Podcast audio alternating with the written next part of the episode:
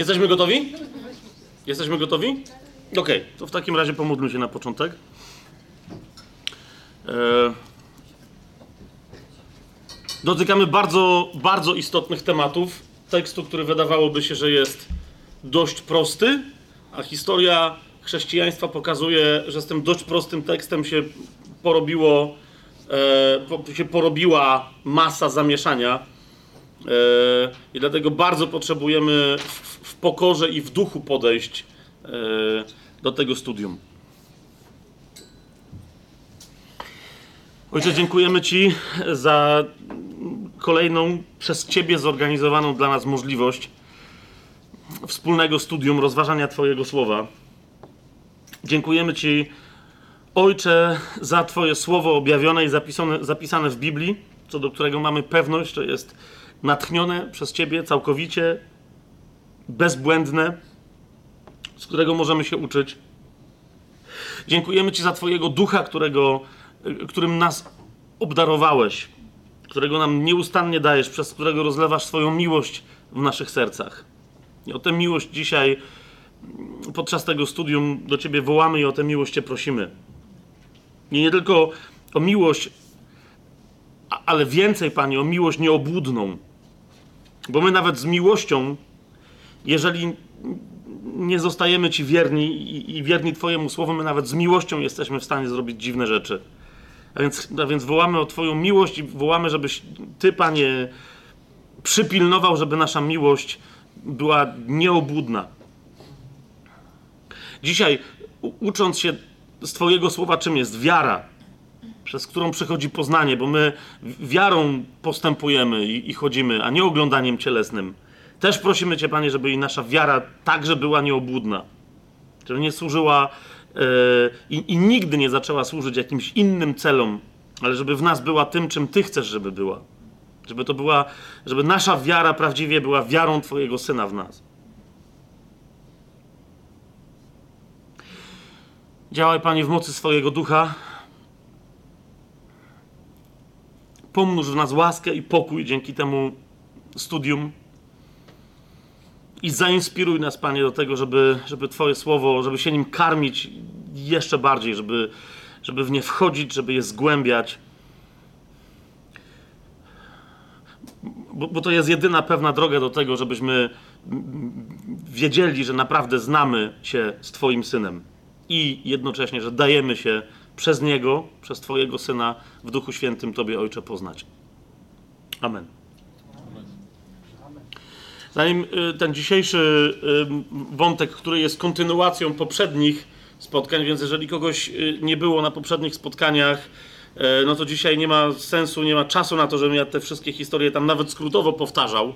Więc gdyby się okazało, że ktoś czegoś nie rozumie, to, to, to już niedługo będzie, zacznie się publikacja tych poprzednich pierwszych e, mm, naszych spotkań e, na YouTubie, to po prostu sobie tam obejrzyjcie i uzupełnicie wszystkie kluczowe hasła, jakie dzisiaj padną, czy koncepcje, które mogą być niezrozumiałe. Jeżeli ich nie będę tłumaczył, to znaczy, że były wytłumaczone wcześniej. Będziemy kontynuować temat mm, herezji, postaw heretyckich.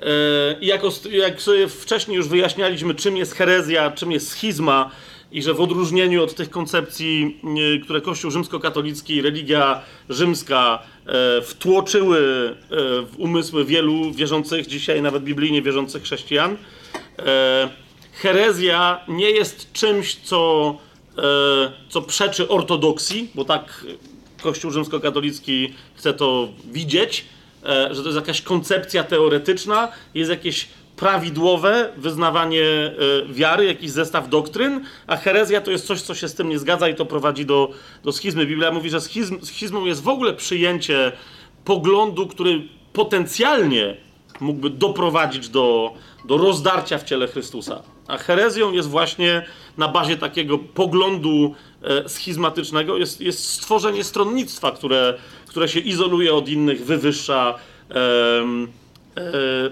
i, i, i, i, i chwieje wiarą wielu, którzy się do takiego stronnictwa przyłączają. W poprzednim, podczas y, tego naszego poprzedniego studium, żeśmy rozważali y, takie nurty podstawowe teologii, y, takiej schizmatycznej, która może prowadzić do, do herezji. Żeśmy sobie rozważali te rozmaite formy teologii usprawiedliwiającej grzech, albo prowadzącej do, do, do grzechu, bo usprawiedliwia jakieś postawy, albo spoglądającej na grzech, E, i, i, i, konstruującej taką wizję Boga, żeby ten grzech mógł być usprawiedliwiony, żeby nie, nie musieć z nim walczyć, albo też wszelkiego rodzaju, e, mówiliśmy o wszelkiego rodzaju teologiach ekskluzywistycznych, które przyjmują jakiś jeden pogląd e, e, albo, e, mm, albo zestaw poglądów reprezentowany przez jakąś osobę i wyłączają wszystko e, inne i raz na tym jednym zaczynają budować. Dzisiaj nie będziemy tej, tej kwestii e, ani kontynuować, ani rozwijać, bo potrzebujemy się przyjrzeć poza tym, jakby jak to wygląda w sensie konstruktu, co się w głowie tak e, może stać komuś, kiedy, e, kiedy odchodzi od prawdy biblijnej. Mm, jak taka prawda potem jest przedstawiana, jak jest zawoalowywana, jak, jak coś udaje prawdę, a jest oszustwem. Mówiliśmy to sobie o tym ostatnio więcej na bazie mocnych tekstów biblijnych. Dzisiaj chcę się odnieść bardziej, bo musimy jeszcze z drugiej strony uzupełnić ten wątek, żeby, żeby naprawdę pojąć każdy element, każdy krok tego tańca, który Paweł wykonuje e, w swoim pierwszym liście do Koryntian. Otóż dzisiaj potrzebujemy się przyjrzeć dwóm postawom schizmatycznym, które de facto są heretyckie. Jeszcze raz mówię, nie w rozumieniu Kościoła rzymskokatolickiego, tylko w rozumieniu biblijnym, w, w, w, wobec tych yy, definicji, które sobie ustaliliśmy, że Biblia podaje, czym jest schizma i czym jest herezja. Ale zanim do tego przejdziemy, yy, jedna bardzo istotna rzecz, tak? Mianowicie, że, bo, bo my cały czas ze względu na właśnie historię, zaszłość, rozmaite zaszłości e, w historii Kościoła, e, teologie dzisiaj różne, w ramach których się różne debaty e, mniej czy bardziej kulturalne odbywają, mniej czy bardziej wrogie wśród chrześcijan, naprawdę mówiąc o tym, stąpamy po, po cienkim lodzie. Więc jeszcze raz musimy sobie przypomnieć, po co Paweł to robi, po co on w ogóle pisze ten, ten y, pierwszy list y, do Koryntian. Interesujące, że o tych rozmaitych celach on więcej opowiada w drugim liście do Koryntian niż w pierwszym. W pierwszym po prostu robi to, co ma robić. Mm, e, ale i, i, jak będziemy w drugim liście do Koryntian, to jeszcze więcej o tym opowiemy. Ale dzisiaj chcę e, się odwołać do jednego tekstu Pawła, mianowicie do drugiego listu do Koryntian, do czwartego rozdziału na początku, żebyśmy pamiętali, po co my to robimy, tak? Zgłębiamy pierwszy list do Koryntian po to, po co Paweł go napisał, w żadnym innym celu. Nie żeby kolejną doktrynę wytwarzać, jakąś nową dyscyplinę ustalać, żeby znowu innych chrześcijan teraz e, zmłotkować i później powiedzieć, my teraz wreszcie rozumiemy, na czym polega e, prawda I, i, i teraz my jesteśmy Chrystusowi, a wy jesteście Pawła Apollosa albo Kefasa. Nie, nie po to. Paweł w drugim do Koryntian w czwartym rozdziale, w pierwszym wersecie i dalej pisze tak. Dlatego, mając to posługiwanie, tak jak otrzymaliśmy miłosierdzie, nie zniechęcamy się, ale wyrzekliśmy się, zwróćcie na to uwagę, ukrytych, haniebnych czynów, nie postępując podstępnie ani nie fałszując Słowa Bożego. Ale przez ujawnianie prawdy polecamy samych siebie sumieniu każdego człowieka w obliczu Boga. E, a więc to jest, to jest pierwsza rzecz, tak? On, on mówi, pisze o tych wszystkich rzeczach do was jawnie, bo, bo, bo problem stanowi co? Haniebne czyny, które są ukrywane. No, na przykład ten z piątego rozdziału pierwszego listu do Koryntian. Nie tyle on jest ukrywany, bo o nim się powszechnie wie, ale jest przykrywany na przykład przez fałszywą teologię. Dalej. Yy, Paweł mówi, inną postawą jest, jest podstęp wszelkiego rodzaju, że ludzie coś głoszą, coś, coś mówią, coś twierdzą, przyjmują jakieś postawy, w kościele, a one są podstępne, bo służą czemuś innemu. Na przykład e, zebraniu zysku e, materialnego. Tak? To, to będzie wątek, znowu my dzisiaj o, o tym troszeczkę tylko sobie powiemy w jednym tam kontekście, e, ale, ale to jest bardzo drażliwa w Kościele rzecz, a my, ponieważ ona jest drażliwa, nie możemy o tym nie mówić. Okay? Piotr jak, jak pisze do, mówi, ja pasterz do was również, ja starszy do was również starszych e, e, i to jest, to jest jeden z wielu głosów w Biblii, woła o to, żebyśmy byli wolni od chęci brudnego zysku. I teraz rozumiecie, nie chodzi teraz o to, żeby pokazać palcem, no a okej, okay, a tamci, tamci zbierają, ci też, a ci to już w ogóle manipulują, żeby zebrać. To nie o to idzie. Idzie o to, żebyśmy my zrozumieli, że, że my, my też będziemy pewnym momencie kuszeni do tego. Tak? Nagle gdzieś pojawi się okazja i przyjdzie diabeł i ciebie też będzie kusił. Do tego, żeby skorzystać, że masz pewną funkcję w kościele, że masz pewien dar, że masz jakąś łaskę charyzmatyczną, że, że masz pewną możliwość, że masz zaufanie u jakichś ludzi. Rozumiesz o co idzie? Więc, więc idzie o to, żebyśmy nie patrzyli na innych, gdzie teraz te błędy, o których będziemy, a to są ci, to są tamci. Chodzi o to, żebyśmy my to wszystko wzięli do siebie i, i rozważali yy, pod kątem tego, co my dzisiaj, co ja dzisiaj robię w kościele czy jak ja dzisiaj wypełniam swoje posłannictwo, moją służbę w kościele. Jest to jasne, co, y, y, co mówię? Więc, więc y, zanim zaczniemy belki wyciągać z oczu braci i sióstr, chodzi o to, żebyśmy najpierw się zorientowali, czy, czy my jakieś, jakiegoś, jakiegoś wióra we własnym oku, nie, nie belki, tylko trzciny wyciągniemy, to żebyśmy się zorientowali, czy my belki nie mamy, tak? Po, poważnej, która jak dyszel nam wystaje z oka i, i, i, i zmienia całą perspektywę. Paweł dalej mówi, potem jak mówisz, się tych wszystkich rzeczy wyrzekliśmy, jeszcze mówi e, o niefałszowaniu Słowa Bożego. Właśnie, właśnie to jest to, tak? To jest, to jest kolejna rzecz, którą, e, e, o której dzisiaj też będziemy mówić. E, Paweł na to Koryntianom zwraca uwagę, tak? że, że, że czasem fałszowanie Słowa Bożego nie polega na tym, że ktoś chce celowo zafałszować, tak? ale ma pewną postawę, przez którą de facto fałszuje przekaz Słowa Bożego. Są pewne postawy. I sęk w tym, żebyśmy my dzisiaj przyglądając się temu, e, czemu się będziemy przyglądać, żebyśmy jeszcze raz nie osądzali czy potępiali innych, tylko żebyśmy się przyjrzeli sobie. Jasne to jest? I w sobie, e, jeżeli trzeba, e, pokutowali i z tego typu postaw zrezygnowali, albo też zaszczepili sobie właśnie ochronę raz na zawsze. Tak? Przed takimi postawami, które się mogą pojawić w przyszłości. Paweł mówi, e, jeżeli dalej w trzecim wersecie, a jeżeli nasza Ewangelia jest zakryta, to jest zakryta dla tych, którzy giną. Więc on mówi, e, kiedy mówimy o dobrej nowinie pomiędzy, pomiędzy nami, to są dalej Koryntianie, mimo że to jest drugi list, tak? Mówi, to, to, to, to nie cudujcie. O gnozie też dzisiaj sobie powiemy, że jedni mają większe poznanie niż inni. Mówi, to się zgadza, to się zgadza, ale nie w kwestiach, które są fundamentalne i podstawowe. Gdy idzie o, zaangażo- o, o zaawansowaną e, wiedzę, zaawansowaną znajomość pewnych niuansów w Biblii i tak dalej, to tak. Ale nie w kwestii fundamentalnych aspektów tego, czym jest nasza wiara i fundamentalnych, e, fundamentalnego zesta- zestawu postaw, które powinniśmy reprezentować. Ja mówię, to, nie, nie, nie. To to jest niejasne tylko dla tych, którzy giną, znaczy dla tych, którzy się jeszcze nie nawrócili i idą na potępienie.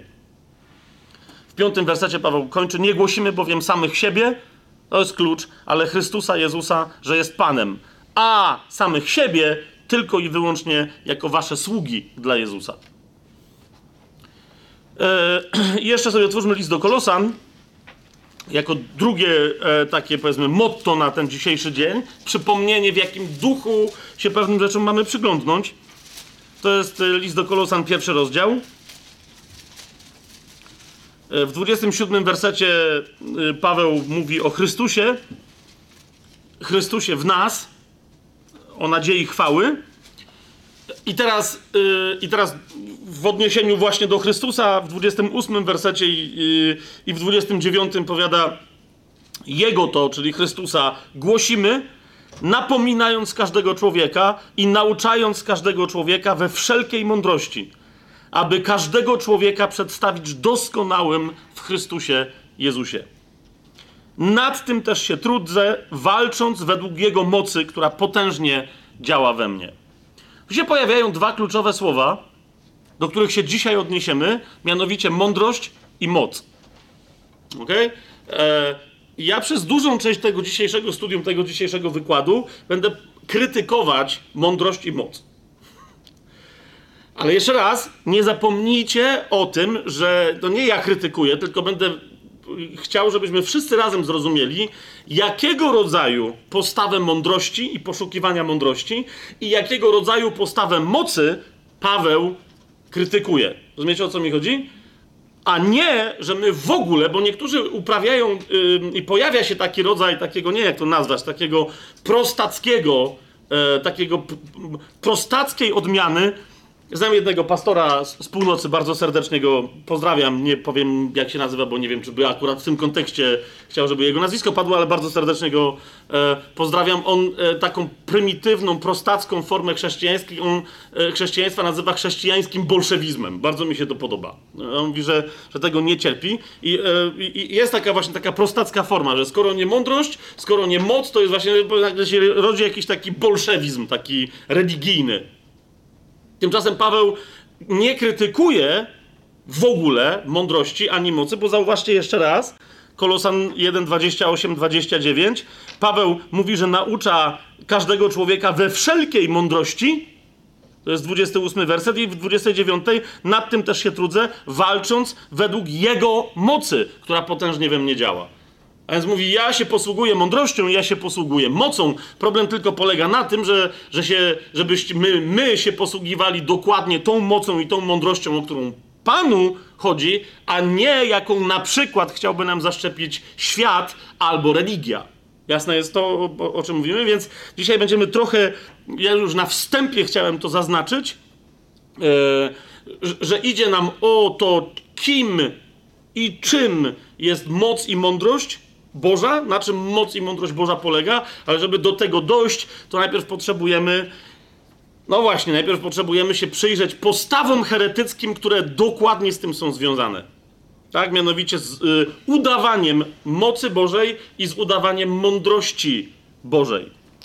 Otóż te dwie heretyckie postawy, przejdźmy do pierwszego listu do, do Koryntian, e, do pierwszego rozdziału tak jak już powiedziałem, związane e, e, z nieprawdziwą mocą i z nieprawdziwą mądrością, Paweł nazywa postawą żydowską i postawą grecką, czy też postawą judaistyczną i postawą helleńską.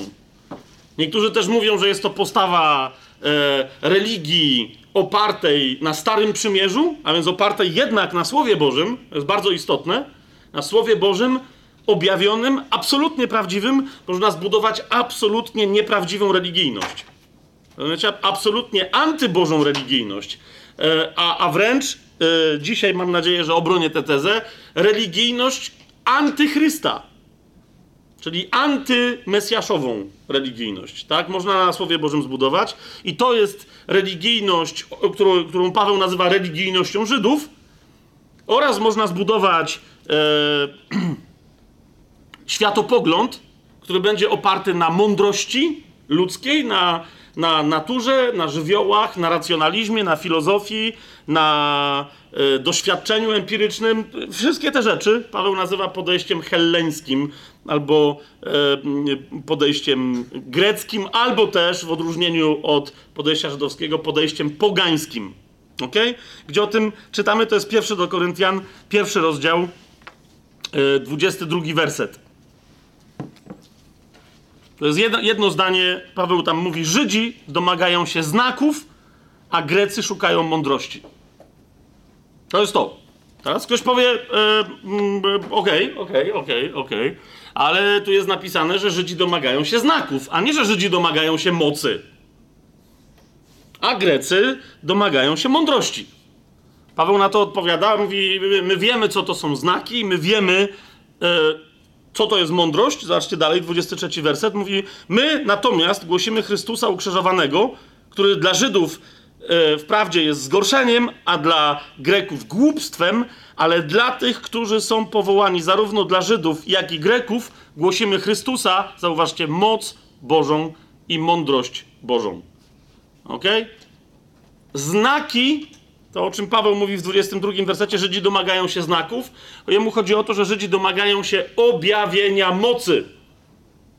I dla nich objawienie mocy wyraża się w znakach. Dlatego na początku mówi, że oni się domagają znaków, a potem mówi, ci, którzy się nawrócili z Żydów, poznają Chrystusa, który jest mocą Bożą. A Grecy, którzy szukają mądrości, poznają Chrystusa, który nie jest mądrością ludzką, ale jest mądrością Bożą.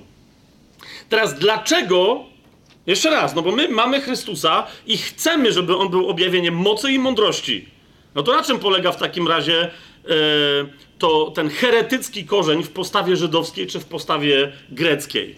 Na czym polega problem? Przyjrzyjmy się, przyjrzyjmy się więc najpierw Żydom, bo to będzie jeden bardzo duży, bardzo duży blok. I, przyjrzę, i przyjrzymy się im szczegółowo, kochani, podobnie jak, jak Grekom się nie aż tak szczegółowo przyjrzymy, e, ale przyjrzymy się im dlaczego szczegółowo.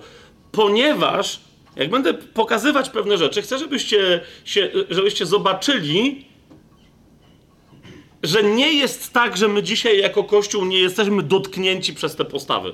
Wręcz przeciwnie, pewne podziały dzisiaj w ciele Chrystusa wynikają właśnie z tych postaw. Tej postawy domagania się znaków, o której mówił e, e, Paweł, o którą oskarżał Żydów, że jest niewłaściwa, i postawy domagania się mądrości, o, o, e, którą podsumował Paweł Greków. Teraz jeszcze raz, żeby to było jasne.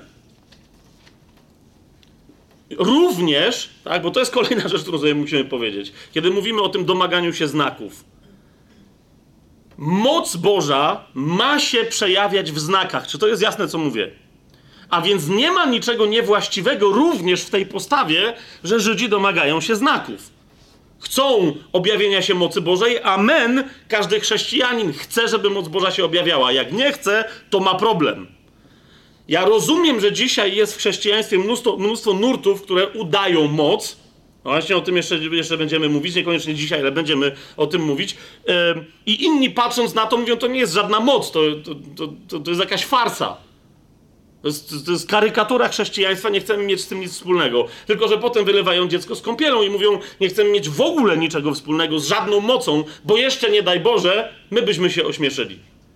Więc nie ma niczego złego, jeszcze raz mówię, w, w, w postawie poszukiwania mocy Bożej. Ona wręcz jest wskazana przez, przez Biblię, że tak, powinniśmy jej oczekiwać. A w niektórych momentach że moc Boża i jej objawienie jest konieczne. I zaraz sobie zobaczymy, jak, jaki, dla przykładu, jaki to może być moment. Druga rzecz, moc Boża przejawia się w znakach. A więc to, że Żydzi oczekują, że moc Boża przejawia się w znakach i tych znaków oczekują, nie na tym polega problem. Ok? Otwórzmy sobie pierwszy list do Koryntian, żeby zobaczyć o co idzie. I że Pawłowi nie chodzi o samą moc i znaki, tak? że to jest problem Żydów. Bo mówi absolutnie nie. Absolutnie nie. Kiedy moc prawdziwa przychodzi, daje prawdziwe znaki i tutaj wszystko gra. Zobaczcie pierwszy list do Koryntian, drugi rozdział, drugi werset.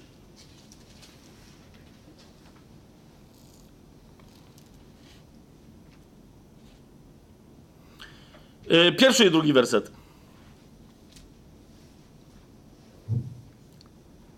Bracia, gdy do was przyszedłem, nie przybyłem z wzniosłością mowy lub mądrości, głosząc wam świadectwo Boga. Postanowiłem bowiem nie znać wśród was niczego innego, jak tylko Jezusa Chrystusa i to ukrzyżowanego.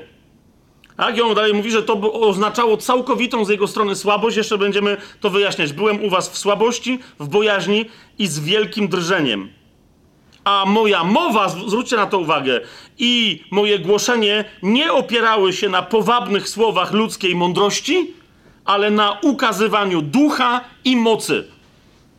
Ok? Więc on wyraźnie mówi: Ja byłem słaby. Ja niczego z siebie nie wyprodukowałem, ale pojawiłem się wśród Was, demonstrując ducha i moc Boga. Amen? Ok, idziemy dalej. W czwartym rozdziale, yy, w pierwszym do Koryntian, w czwartym rozdziale, w 19-20 wersecie. Tam Koryntianie cwaniakują. I Paweł na to ich cwaniakowanie w pewnym momencie, które już zaczyna obalać i, i demonstrować, że jest tylko cwaniakowaniem, mówi, to jest pierwsze do Koryntian 4, 19:20 mówi, ale przyjdę do was wkrótce, jeżeli Pan zechce, i poznam nie słowa pysznych, ale ich moc. Królestwo Boże bowiem przejawia się nie w słowie, ale w mocy. W tym wypadku nie chodzi o Słowo Boże, tylko jemu chodzi o to, że gadać każdy może. Gadać każdy może, że, że może. A ja przyjdę i zademonstruję moc. Okay? O, o jakiej mocy Paweł mówi? O mocy Bożej. On od początku mówi, ja nie przyszedłem do was z własną mocą, tak? Tylko z mocą Bożą. Zobaczcie drugi do Koryntian. Yy, w drugim do Koryntian, yy, to jest drugi list do Koryntian, ale ten sam odbiorca. W drugim do Koryntian w 12 rozdziale, w 12 wersecie. Paweł mówi, że yy, on nie musi udowadniać nikomu, że jest apostołem. Dlaczego? Właśnie dlatego, że przyszedł demonstrując moc Bożą. To jest drugi do Koryntian 12, 12. Mówi, jednak znaki apostoła, w sensie jego, jego, tak, że on jest apostołem, bo taki jest kontekst całego 12 rozdziału. Mówi, jednak znaki apostoła okazały się wśród was we wszelkiej cierpliwości jego, ale uważajcie, w znakach, cudach i przejawach mocy. A więc na przykład, jeżeli chcemy rozpoznać apostoła, ktoś przychodzi i mówi, ja jestem apostołem, no to mówimy mu, no to, to elegancko. No bardzo dobrze, że przyszedłeś. Tutaj są zmarli całkiem niedawno i niektórzy przydałoby się, żeby wrócili do życia. Tu są chorzy, zwłaszcza na raka, AIDS i tak dalej. Tu są uzależnieni od narkotyków. I... Więc, bracie, do roboty. Przy okazji mamy jeszcze władze, które są niesprawiedliwe, skorumpowane i tak dalej. Rozumiesz, możliwości znaków, objawienia się mocy Bożej, znaków i cudów jest mnóstwo. Jesteś apostołem do roboty. Jak, ale jak nie wiesz, jak się zabrać do roboty, to zamknij paszczę, bo nie jesteś apostołem. I teraz jeszcze raz, to nie jest moje zdanie. Chodzi o to, że Paweł mówi, nie będziemy dyskutować. Ok? Jak do was przyszedłem, nikt nie dyskutował, bo demonstrowałem znaki apostoła, i jak przyjdę znowu, to ja zademonstruję znowu, jak będzie trzeba. Dlaczego? Bo jestem apostołem i wiem, że nie ja, ale przeze mnie Pan, ze względu na to, do jakiej służby mnie posłał, Pan będzie działał, będzie okazywać moc. Więc widzicie, Paweł jest absolutnie za tym, żeby demonstrować moc. Moc jest potrzebna, żeby na przykład rozpoznać apostoła. Apostołowie są fundamentem. Chrystus jest fundamentem, jasne, ale na tej skale Kościół jest zbudowany z fundamentem jakim? Na fundamencie apostołów i proroków. List do Efezjan mówi bardzo wyraźnie, tak? No więc, a to skąd my będziemy wiedzieli, że się objawią apostołowie? Jak się mają oni objawić? No właśnie w taki sposób. To będzie bardzo, bardzo, bardzo jasne. Jeżeli w ostatnich czasach Kościół wie o tym i marzy i tęskni o, o mocy i, i zadaje jednocześnie pytanie, czemu my jej nie widzimy, Jedno, jedną z odpowiedzi, dzisiaj nie będę jej rozwijał, ale pomyślcie, którą od jakiegoś czasu mam w sercu, jest, że gdyby dzisiaj cały Kościół zaczął chodzić w mocy tak, jak marzy o tym, żeby chodzić, to by nie rozpoznał apostołów. To jest coś, czego my bardziej potrzebujemy niż znaków mocy i tak dalej, i tak dalej. Ponieważ apostoł chodzący w mocy, a więc w znakach i w cudach, jednocześnie ma namaszczenie do tego, żeby, żeby właściwie te znaki i cuda rozeznawać. Kiedy ma... Popatrzcie na, na Piotra, popatrzcie na Pawła. Były, były czasy, dzieje apostolskie to opisują, były momenty w ich życiu, że, że ludzie wychodzili, żeby cień Piotra, pamiętacie to, choćby cień Piotra padł na jakiegoś chorego i oni wszyscy byli uzdrawiani. Paweł to samo, tak? Chusteczki ocierali o Pawła, bo już nie wiedzieli, co tam mają robić. Nie wszystkich się dało donieść do Pawła, więc obcierali chusteczki i najlepsze było, że te chusteczki gdzieś tam wysyłali. Ludzie byli uzdrawiani. A potem, jak przyszło co do czego, Piotr trafił do więzienia i jakoś nic nie dało się z tym zrobić. Potem przyszli aniołowie i go wyzwolili z tego więzienia, więc znowu elegancko, tak? Ale znowu co? Został i cwaniakował? Nie, rozeznał, że no okej, okay, nie zostanę jednak w Jerozolimie, tylko muszę uciekać. Samo Paweł uzdrawia, wskrzesza, czasem jakby od niechcenia. Pamiętacie chłopaka, co spadł y, z okna, bo Paweł mówił dłużej niż ja na tajemnym planie? A przy okazji jeszcze y, nie było tam klimatyzacji, więc to jest jeszcze inna rzecz. W każdym razie chłopak spadł, pamiętacie? I Paweł jakby od niechcenia zszedł na dół, wskrzesił go i mówi, dobra, wróćmy do rzeczy, bo to jakieś niepotrzebne tutaj było zamieszanie. I jednocześnie macie tego samego Pawła, który, który ma całe e, tygodnie i miesiące, kiedy nie e, przedstawia tej mocy. To nie jest po prostu, rozeznaje, że nie jest do tego wezwany. I potem nagle, kiedy przychodzi co do czego, ma proroctwo, demonstruje znak i tak dalej, i tak dalej. Więc Paweł absolutnie. y, Jeszcze zobaczmy na przykład list do Rzymian, E, bo tam, tam Paweł już w ogóle e, taką mocną tezą się posługuje. To jest list do Rzymian, 15 rozdział, e, 18 i 19 werset. 17 nawet powiedzmy, tak? List do Rzymian, 15 rozdział od 17 wersetu. Paweł mówi: Mam się więc czym chlubić w Jezusie Chrystusie w sprawach Bożych. Nie śmiałbym bowiem mówić tego, czego Chrystus nie, nie uczyniłby przeze mnie w przywodzeniu pogan do posłuszeństwa. I teraz zwróćcie uwagę: przez słowo i uczynek, przez moc znaków i cudów, przez moc Ducha Bożego. Także obszar od Jerozolimy i okolic aż do Ilirii napełniłem Ewangelią Chrystusa. Przez co? Przez słowo i uczynek, przez moc znaków i cudów. Widzicie to? Paweł nie ma absolutnie problemu z, z mocą, ze znakami i cudami, wręcz przeciwnie. Paweł jest zaznajomiony z mocą Bożą, ze znakami i cudami i uważa demonstrowanie mocy Bożej, objawianie Bożych znaków i cudów za jeden ze sposobów, istotny element głoszenia Ewangelii. Okej. Okay. Spójrzcie na, yy, na Jezusa. Jan przedstawia Jezusa jako człowieka, który zasadniczo, człowieka Bożego, wcielone Słowo Boże, oczywiście Boga, tak, ale, ale chodzi mi o to, że który działa jako człowiek, co? Znaki. Na tym od początku polega jego misja, tak? Jak sobie otworzymy Ewangelię Jana, to to jest dokładnie to, co robi Jezus. Jak sobie otworzymy Ewangelię Jana, drugi rozdział, tu, tu jedną rzecz muszę zaznaczyć, tak? E, dla nas, my się kiedy indziej tym zajmiemy, ale dla nas, ist, ja mam takie wrażenie, że jak my czytamy Biblię, a, nie, a, nie, a czasem nawet nie, nie, że my czytamy, tylko niektórzy tłumaczą Biblię i nie bardzo wiedzą, czym się różni znak od cudu, w związku z tym tłumaczą zamiennie. Nieważne jaki jest wyraz w języku greckim, już teraz pomijam hebrajski, ale mówię o Nowym Przymierzu, nieważne jaki tam jest wyraz, e, często słowo znak w Nowym Testamencie jest, jest tłumaczone jako cud. Rzadziej odwrotnie, tak? Otóż cud w języku greckim to jest słowo teraz, przez sy na końcu, e, natomiast znak, i to jest wyraz, którego my e, szukamy, to jest semejon. Okay? I, I bardzo często ten wyraz, który po prostu to, to jest semejon, znaczy znak. Często w liczbie mnogiej się pojawiające jako znaki. Bardzo często ten wyraz jest tłumaczony jako cud zupełnie bezsensownie. Na, na, ja rozumiem, że nie, nie, jeszcze raz, nie krytykuję teraz pracy tłumaczy, jestem im wdzięczny wszystkim tłumaczom Biblii na język polski. Absolutnie nie o to mi idzie, tak? Ja rozumiem, że po prostu ktoś nie zauważył, że to ma jakieś znaczenie, żeby, żeby te słowa wymieniać, ale to ma znaczenie. Okay? Więc wyraz semejon gdzie się pojawia? Na przykład, w, ym, ym, czyli znak. W Ewangelii Jana w drugim rozdziale, yy, w jedenastym wersecie, pamiętacie, Jezus zamienia wodę w wino w Kanie Galilejskiej. Tak? Nikt nie pamięta. Okej. Okay. I teraz, yy, jak to już się wszystko wydarzyło, Jan komentuje, Taki to początek znaków uczynił Jezus w Kanie Galilejskiej i objawił swoją chwałę i uwierzyli w Niego Jego uczniowie. E,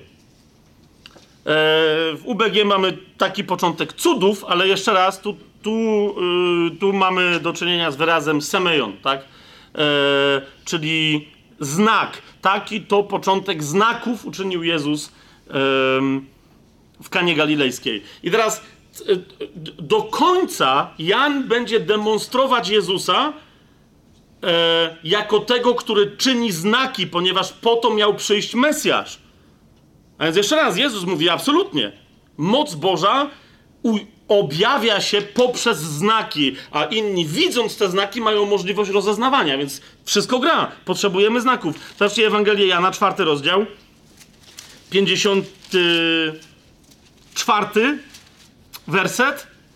Tam wobec dworzanina królewskiego e, Jezus na jego prośbę dokonuje cudu i y, bardzo istotna rzecz, bo, bo, widać, że Jan to liczy i zachęca ciebie jako czytelnika swojej Ewangelii, żebyś liczył, czy żebyś liczyła. To jest czwarty rozdział, 54 werset. Jan mówi, to był drugi znak, który Jezus uczynił, przyszedłszy z Judei do Galilei. Jeszcze raz, tu mamy wyraz semejon, to, a więc to był drugi znak, a nie drugi cud. Ok? Bardzo istotne. Czym się różni znak od cudu? Teraz tego nie rozważamy, tylko mówimy o tym, że Paweł krytykuje Żydów, że oni oczekują znaków i że żądają znaków. I najpierw musimy zobaczyć, że jakby, na, żeby zrozumieć, na czym polega problem, co, na czym polega problem, że Żydzi żądają znaków, musimy zobaczyć, że Żydzi powinni żądać znaków i my powinniśmy żądać znaków. Wtedy zrozumiemy, o, o co oskarża Paweł e, Żydów. Okay? E, w Ewangelii Jana w szóstym rozdziale, skoro tu jesteśmy, mm, e, w drugim wersecie mamy znowu ten sam wyraz. Szedł za nim wielki tłum, bo widzieli znaki, które czynił na chorych. Uzdrawianie chorych było znakiem e, i powinno być rozpoznane jako znak przez mm, Żydów. W czternastym wersecie. A ci ludzie, ujrzawszy znak, który uczynił Jezus, mówili, i jeszcze raz, tu znowu jest wyraz semejon.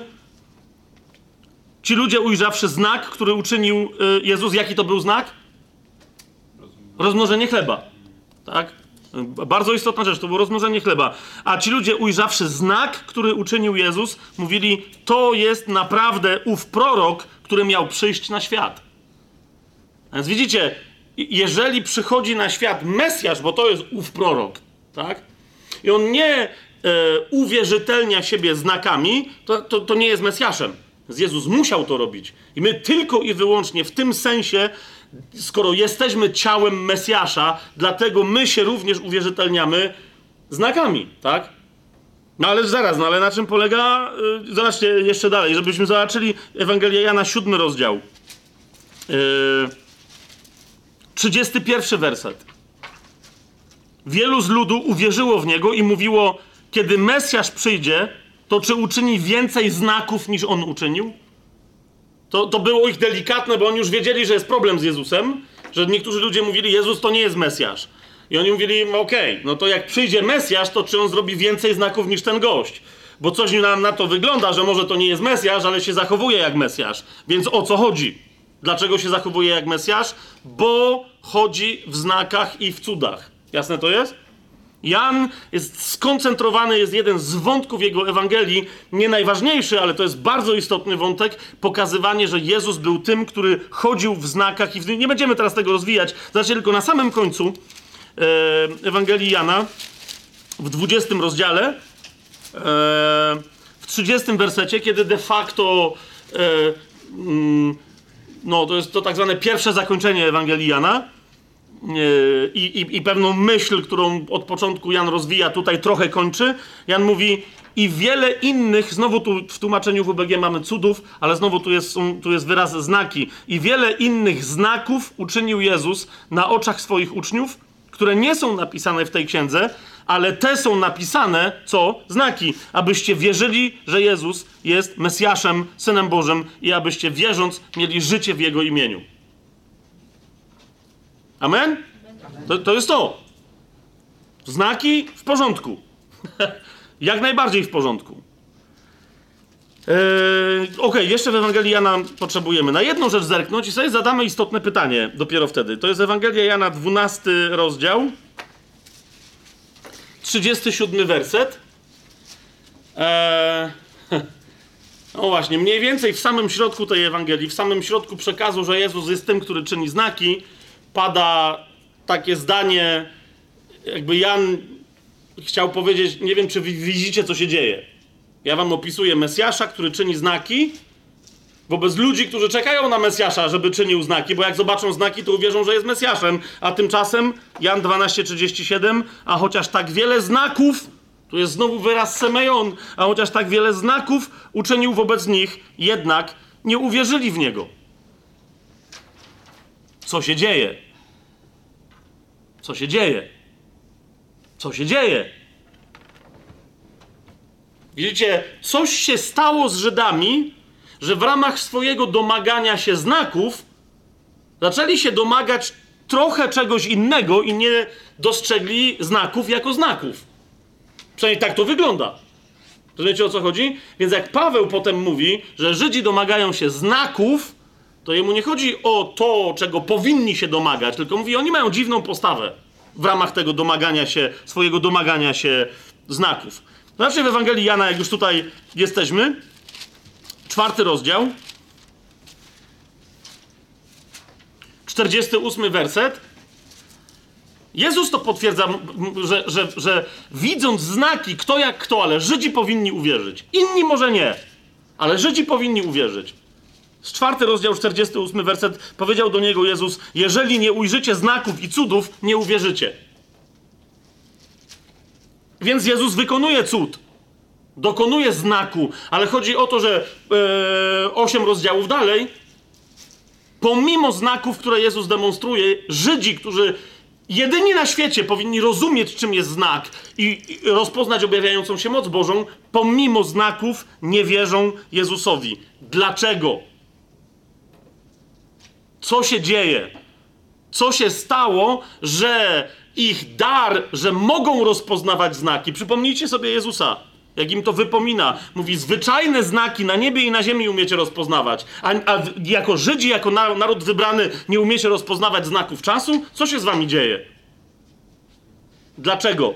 Co się stało, że ich możliwość i dar, że dostaną znaki i będą w stanie je rozeznać, co się stało, że, że ta ich możliwość uległa perwersji? zniekształceniu do tego stopnia, że nie rozpoznali tego, który dał im znaków bez liku, ze znakami, które nigdy wcześniej nie były dawane.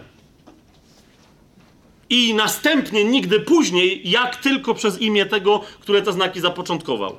Otóż Słowo Boże daje odpowiedź nam, że istnieje, no właśnie, że pojawił się wśród Żydów zakwas. I to nie ten zakwas, którym, o którym Pan Jezus mówi w, Ewangel- w przypowieści o zakwaszeniu ciasta, że urosło, ale ten zakwas, którego Żydzi mieli się pozbyć przed świętem prześników, czyli grzech, jeden konkretny, specyficzny grzech, który, który zabarwił e, i zakwasił całą ich postawę. Okay? I ten zakwas ma, że tak powiem, trzy oblicza. Pier, pierwsze dwa oblicza, e, Jezus o nich mówi w Ewangelii Mateusza. Czy na razie to ten e, jakby ciąg myślowy, który tu mamy, jest, jest jasny? Staram się bardzo trudne zagadnienie, na tyle na ile to możliwe, jak najprościej przedstawić. Otóż, co to za zakwas? Co, co jest zakwasem? Jezus mówi, on ma, to jest jeden i ten sam zakwas, zaraz sobie powiemy jaki, ale ale on ma trzy aspekty pomieszane ze sobą. Ewangelia Mateusza 16:6. I powiedział im Jezus: Uważajcie i strzeżcie się zakwasu faryzeuszy i saduceuszy. To są dwie odmiany, o których mówimy: zakwas saduceuszy i faryzeuszy. Tego się spodziewaliście, prawda? 11-12 y, werset. Jak tam ci zaczęli rozważać, że nie wzięli chlebów, no bo zakwas zasadniczo, wiecie, to mówimy o zakwasie chlebowym, tak?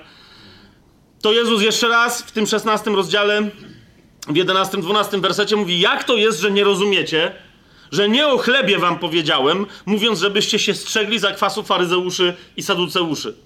Wtedy zrozumieli, że nie mówił, aby się strzegli za kwasu chlebowego. Ja nie wiem, co ci goście mieli w głowach, ale my się czasem naprawdę wiele od nich nie różnimy. Wtedy zrozumieli, że nie mówił, aby się strzegli za kwasu chlebowego, ale nauki faryzeuszy i saduceuszy.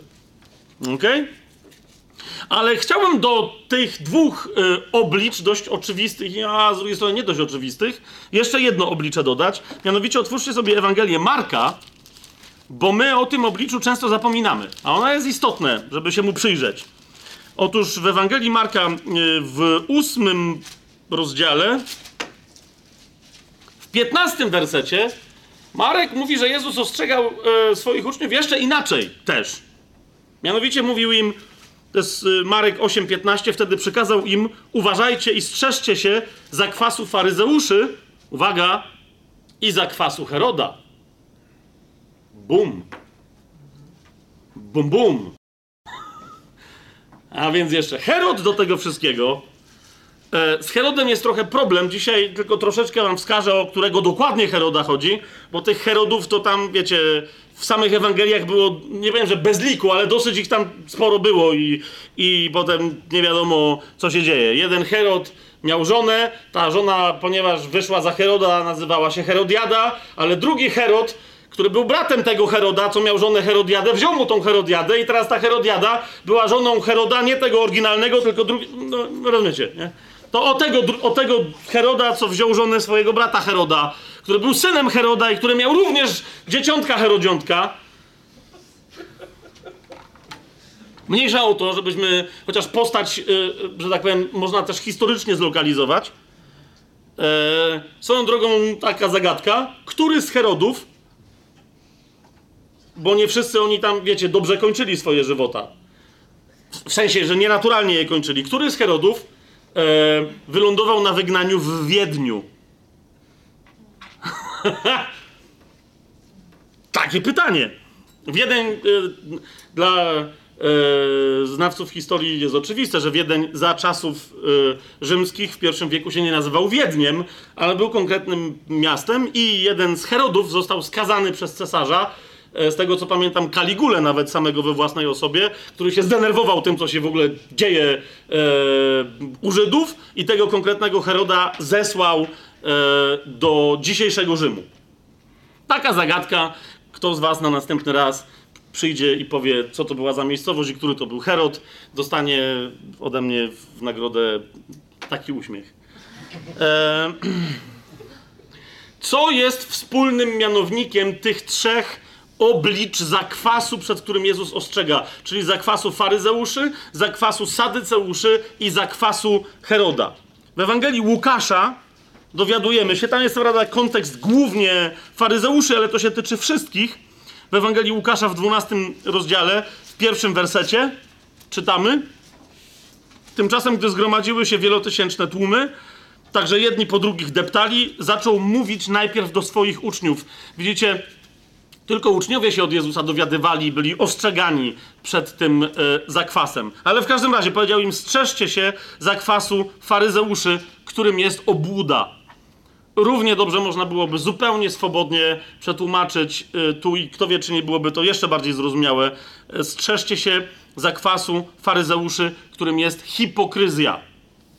Okay? To, bo to Jezusowi dokładnie o, o to chodzi. Hipokryzja. Jeżeli ktoś, kto jest religijnym hipokrytą, wie, że słowo, na którym bazuje jego religia, mówi oczekuj znaków, ale jest hipokrytą, to zaczyna to oczekiwanie i rozpoznawanie potem znaków poddawać tej swojej perwersji wynikającej z jego obłudy. Jasne? Jeszcze raz mówię, tu e, w, w, tym akurat fragmencie e, Jezus mówi o, e, o zakwasie tylko i wyłącznie faryzeuszy, ale ta hipokryzja tyczy się wszystkich. I teraz przyjrzyjmy się poszczególnym tym trzem rodzajom hipokryzji i przyjrzyj się ty, jak się będziemy im przyglądać, czy czasem w tobie nie ma dokładnie takiego fałszywego, obłudnego oczekiwania na znaki. Okej? Okay? Pierwszy, zaczniemy od tego najmniej yy, oczekiwanego, najmniej spodziewanego, mianowicie zacznijmy od hipokryzji Heroda, czyli od zakwasu yy, Heroda. Nazwałbym jego postawę yy, pustą religijnością. Okay? E, pusta religijność ma parę tam cech, e, a ze znakami jest tak związana, że zasadniczo jest pusta religijność zafascynowana wszystkim, co wygląda na cudowne. Wszystkim, co wygląda na nadprzyrodzone. Co więcej, szuka pusta religijność tego rodzaju sensacji. To jest religijność, która szuka cieleśnie i duszewnie, szuka doznań zmysłowych pod wpływem rzekomo nadprzyrodzonych yy, zjawisk w miarę to jasno powiedziałem? E, Okej, okay, ale ktoś powie, no dobra, ale sko skąd wiesz? Najpierw, Ewangelię Marka sobie otwórzmy, szósty rozdział. Przypomnę wam, o, o, bo Herodów było tam wielu. My nie mówimy o tym Herodzie, który prześladował rodzinę Pana Jezusa, kiedy on przychodził na świat. To był tak zwany Herod Wielki, tak? My mówimy o Herodzie, którego Biblia słusznie go nazywa Herodem Tetrarchą. I naj, jakby najpełniej tę nie tylko historię związaną Heroda Tetrarchy z Janem Chrzcicielem, bo o Jana Chrzciciela nam będzie chodzić, ale też pokazującą osobowość e, Heroda i ten jego zakwas pustej religijności e, w kontekście historii z Janem Chrzcicielem najlepiej pokazuje Marek. To jest Marek, e, szósty rozdział, siedemnasty werset.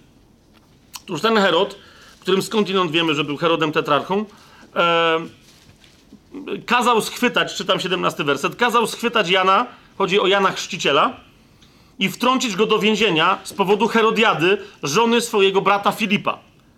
To był gość, który się nazywał Herod Filip, no ale słusznie dla odróżnienia Marek tamtego nazywa Filipem, żeby już nie mieszać. Eee, gdyż pojął ją za żonę. A, a, więc wziął sobie za żonę żonę swojego brata.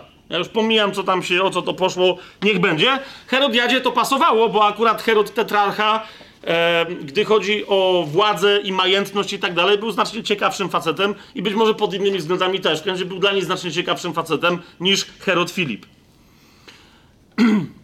więc, ten, e, więc Jan do niego przyszedł mówi, człowieku, to jest niezgodne w ogóle z prawem, co ty, co ty wyprawiasz.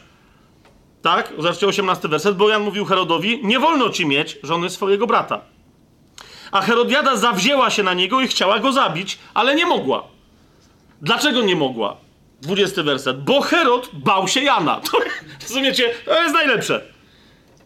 Bał się Jana i dlatego się nie bał go uwięzić. Bo się go bał. To, to jest, są paradoksy pustej religijności. Okay? To są paradoksy mafii sycylijskiej, na przykład, żeby, żeby tu być konkretnym, albo na przykład yy, yy, yy, karteli narkotykowych kolumbijskich, tak? którzy, y, ludzi, którzy masowo, całą rodziną najpierw biorą udział w wymordowaniu ludzi, włącznie z kobietami i dziećmi, a potem idą na msze. Znaczy, i, i, i się modlą po pierwsze o spokój duszy tych, co pomordowali, żeby ich nie straszyli, to jest o to chodzi, oraz się modlą o powodzenie w następnej misji, bo mają jeszcze do rozwalenia sąsiedni kartel, bo mają jeszcze vendetę do przeprowadzenia na Korsyce i tak dalej. Wiecie, to są ludzie pełni strachu, którzy Boga traktują jako moc, która, którą trzeba udobruchać w ramach swojego strachu. Ale jak się jest odpowiednio silnym i odpowiednio się z tą mocą dogadasz, to nie musisz być w żaden sposób moralny. Twoje życie, owoce Twojego życia nie mają żadnego związku z tym, co Ty wyznajesz jako religię. Jeszcze raz. Bardzo bym sobie życzył, E, żeby chrześcijaństwo było duchowe, tak jak Pan Jezus zamyślił. ale niestety jest masa chrześcijaństwa, włącznie z ewangelicznym chrześcijaństwem, która bywa pod, nie tak drastyczna jak, wiecie, katolicyzm karteli kolumbijskich czy, czy, czy sycylijskich mafiozów, tak? Ale, ale wciąż mamy chrześcijaństwo, które po prostu, które, które jest cielesne.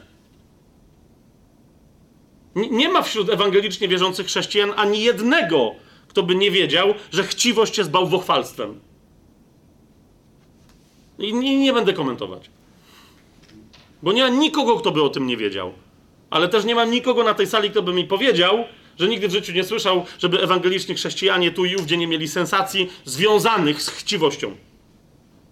Tak? Skąd się biorą skandale?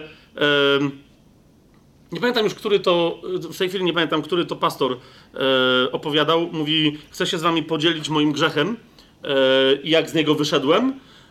E, po czym spojrzał na tam ludzi, którzy go słuchali i mówi, nie, nie, nie, mówi, ale to nie jest typowy pastorski grzech. Co to jest typowy pastorski grzech? Więc mówi, nie będę opowiadał o tym, jak zdefraudowałem pieniądze, ani jak zdradziłem żonę. What? Jeszcze raz. To nie pamiętam, kto, ja już to kiedyś to cytowałem, może, może ktoś z was sobie przypomni. To, to było publicznie powiedziane, nagrane. Jemu nie chodziło o to, że pastorzy zdradzają żony i kradną pieniądze. Jemu nie o to chodziło.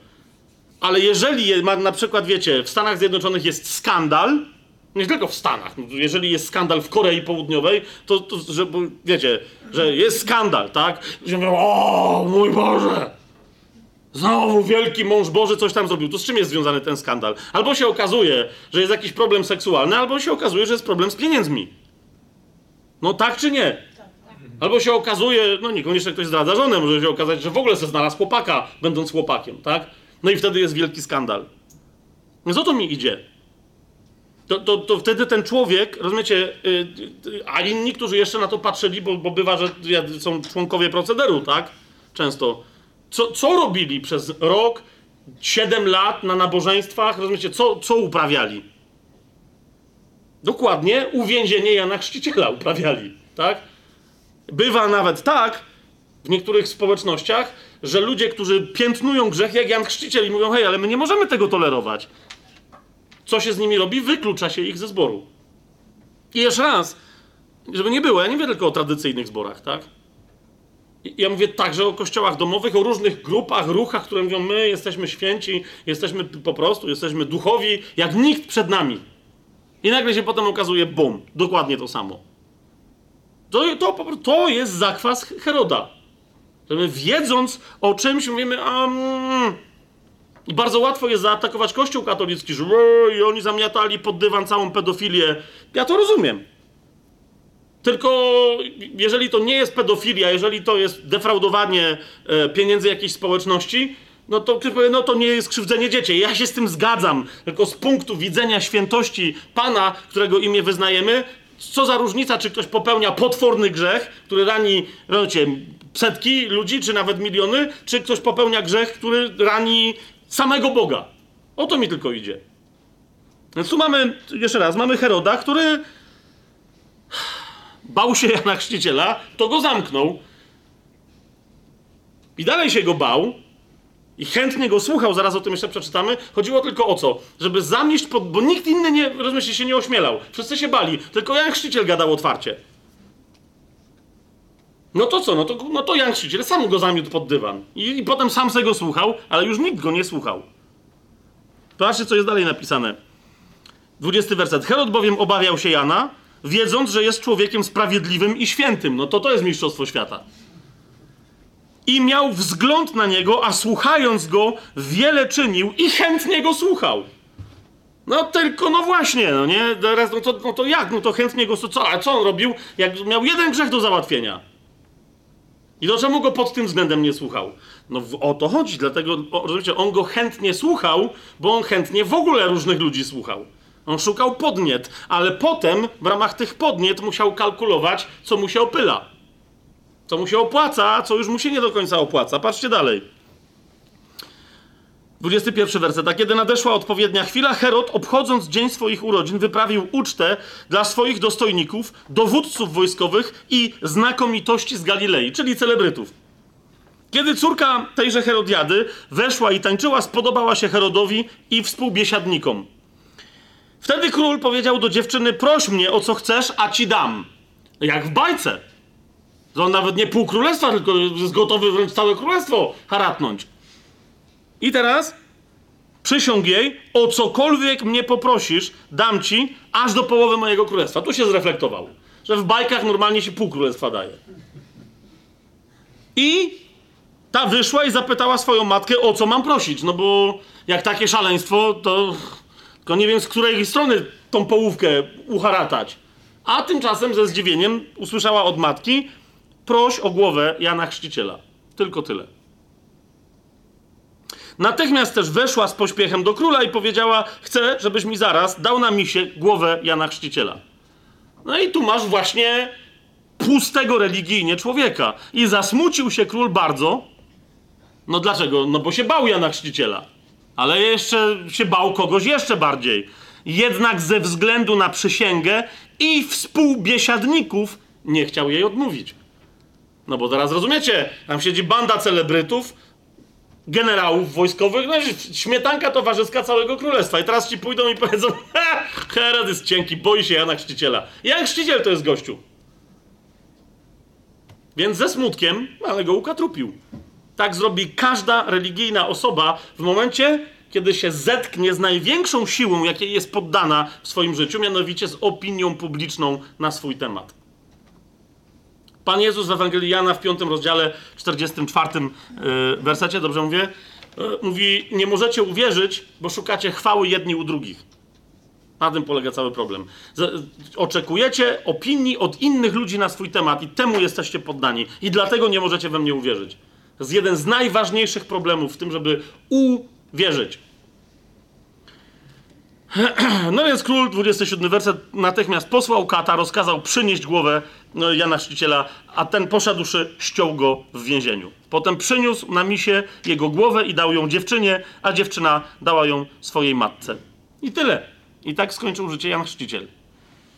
Natomiast y, co z Herodem? Gdzie tu są wątki? No bo przecież mówimy o. Yy, rozumiecie, Jezus ostrzega przed zakwasem Heroda, przyjrzyjmy mu się jeszcze bliżej. Ewangelię Łukasza sobie otworzymy. Yy, dziewiąty rozdział.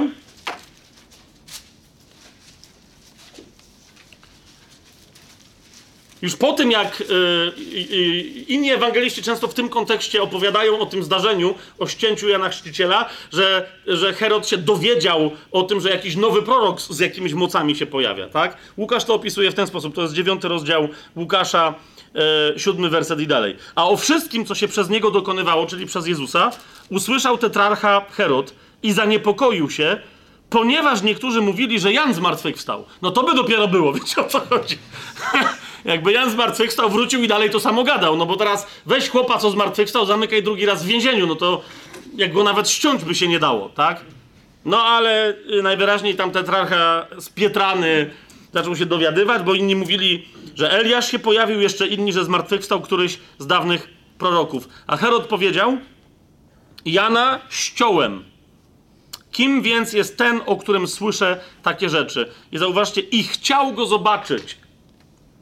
Dlaczego? Bo Jan Chrzciciel w innym miejscu y, w Ewangelii, bodaj w Ewangelii Jana znajdziecie powiedzenie e, Jan przyszedł, ale nie czynił znaków, a ten przyszedł i czyni znaki.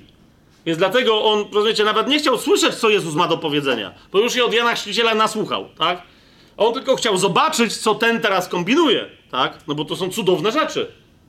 On jest podekscytowany tym, że Jezus dokonuje znaków i cudów, zauważcie, i on chce zobaczyć znaki ale nie ma to żadnego związku z jego nastawieniem serca. On jak je zobaczy, to się podnieci. Może, wiecie, może na jakiś czas, ale on nie, nie chce zmieniać swojego życia. Czy to jest jasne, o, o czym teraz mówimy? Jest, e, jak dla mnie, przerażająca. Jeszcze, e, dobra, jeszcze w Ewangelii Łukasza, bo Łukasz temu lisowi, jak go Pan Jezus nazwał, e, troszkę więcej miejsca poświęcił niż inni ewangeliści. W 13 E, rozdziale Ewangelii Łukasza. Wiecie, ten Herod, który już zabił Jana Chrzciciela, który e, powiedział, że chciałby zobaczyć Jezusa, w pewnym momencie, widząc, że Jezus sobie nic nie robi z tego, że, że ten ściął Jana Chrzciciela i powinien się bać, ale się plącze po jego królestwie, po Galilei, po Judei, po robi co chce, najwyraźniej Herod stwierdził, Trzeba go postraszyć, przekażcie mu, że go zabije. Tak samo jak Jana Chrzciciela, się go nie boję. Ja wiem, że to byli tam kuzyni czy ktoś, ale powiedzcie, to jest klasyczne posunięcie mafijne, nie? Klasyczne posunięcie bandyty. Postraszcie go. No i tu musiał Herod się zdziwić, zobaczcie, to jest 13 rozdział Ewangelii yy, Łukasza, 31 werset i dalej. W tym dniu przyszli niektórzy z faryzeuszy i powiedzieli mu wyjdź i odejdź stąd, bo Herod chce cię zabić faryzeuszom zależało na tym, żeby zabić Jezusa, więc ci, którzy przyszli i to powiedzieli, to musieli być ci, o których Jan mówi, że niektórzy z faryzeuszy uwierzyli. Wiecie o co chodzi? I oni powiedzieli, uważaj, bo Herod chce cię zabić. Zobaczcie na odpowiedź Jezusa. Tu jest gość, który... tu jest ktoś, kto ma moc, kto ma władzę. I powiedział im, idźcie i powiedzcie temu lisowi, oto wypędzam demony i uzdrawiam dziś i jutro, a trzeciego dnia skończę. Ale dziś, jutro i pojutrze mam być w drodze, bo niemożliwe jest, żeby prorok zginął poza Jerozolimą. Po pierwsze, nazwanie przez Jezusa potężnego władcy, przynajmniej tak mu się wydawało, że był potężny lisem, nawet nie wilkiem, rozumiecie, tylko lisem. Lis się zakrada do kurnika i dusi kury. Jezus mówi, przekażcie temu lisowi, to jest... Oni się musieli zdziwić. No to przekażemy, przekażemy też, że wiesz, że go nazwałeś lisem. Okej, okay. to będzie przyjemne popatrzeć, jak gość się dziwi i straszy, że go nazwałeś lisem. Jezus mówi, ja wiem, co robię. Ja wiem, jak mam życie oddać. Ja wiem, jak mam to życie odzyskać. Ten gość mi w życia nie odbierze. To musiało usadzić trochę, niezależnie od tego, co tam Herod kombinował, to go musiało usadzić, ale w, w Ewangelii Łukasza mamy jedną z najbardziej przerażających scen na temat ludzkiej natury, yy, jaką w ogóle znajdziemy w Biblii. Znajdziemy parę. Ja wiem, że ktoś was od razu pomyślał o tych yy, bandytach, którzy porąbali kobietę na 12 kawałków. Ja, ja wiem, ale przyjrzyjcie się, co się tutaj dzieje, yy, bo to jest ten sam poziom przerażającej informacji na temat tego, jak my potrafimy czasem się uśmiechać i robić dobrą minę do, do złej gry. To jest Ewangelia Łukasza, 23 e, rozdział. E, mm, Herod demonstruje swój kwas. To jest, to jest kwas Heroda. Pusta religijność. Jak, jak on oczekiwał znaków? To jest 23 rozdział, 7 werset i dalej. Piłat, to już jest moment, jak Piłat przesłuchuje, yy, przesłuchuje Jezusa. I teraz Piłat, czytamy, dowiedział się, yy, że podlega władzy Heroda, w sensie Jezus. Więc odesłał go do Heroda, który w tych dniach również był w Jerozolimie. Na widok Jezusa Herod bardzo się ucieszył. Zwróćcie uwagę, co tu jest napisane. Od dawna bowiem pragnął go zobaczyć ponieważ wiele o nim słyszał i spodziewał się, że ujrzy jakiś znak przez niego dokonany. Tu jest znowu ten wyraz, o którym mówimy. Wiecie o co chodzi? Paweł mówi: Żydzi żądają znaków. I tu masz pierwszy, pierwsze oblicze tego żądania znaków. To jest, to jest Herod, który chce, żeby go zabawić znakiem. On, on się nudzi. Nie wiem, czy pamiętacie tą scenę E, nie wiem, czy pamiętacie tą scenę, e, e, dobrze teraz mówię, chyba w Pasji Chrystusa Mela Gibsona, tam jest scena, jak Jezus jest odesłany do Heroda. Pamiętacie go? Taki zniewieściały tłuścioszek, wyszminkowany, który się nudzi. Który, który po prostu, to jest, to jest gość oddany hedonizmowi. I on jest, naprawdę, on jest tak sportretowany, jak należy tam. Zresztą Gibson tam dobrą robotę wykonał i wiele osób sportretował, jak należy w tym filmie. To, to jest dokładnie to. Rozumiesz, to jest jedna, jedno, to jest Żyd, który oczekuje znaku i teraz zobacz, jakiego on znaku oczekuje. On oczekuje, żeby go zabawić, bo się nudzi. I dlatego zauważcie, jak odpowiada Jezus na to. Hmm? I zadawał mu wiele pytań Herod Jezusowi, tak? Ale on mu nic nie odpowiedział. Jezus stoi, absolutnie lekceważąc jego obecność. Po prostu nie chce nic, nawet odpowiedź na jego pytanie, żeby nawet tym go nie zadowolić. I teraz spójrzcie, naczelni kapłani i uczeni w piśmie stali tam i gwałtownie go oskarżali, bo liczyli, że Herod coś zdziała, że jak nie Piłat, który ewidentnie nie chciał Jezusowi nic zrobić, to może, to może Herod. Jedenasty werset. Wtedy Herod ze swoimi żołnierzami wzgardził nim i naśmiewał się z niego, ubierając go w białą szatę i odesłał z powrotem do Piłata. I teraz to jest to zdanie, które, które demonstruje, o co tu chodziło. Przerażające zdanie, dwunasty werset. W tym dniu Piłat i Herod stali się przyjaciółmi. Ja nie będę teraz.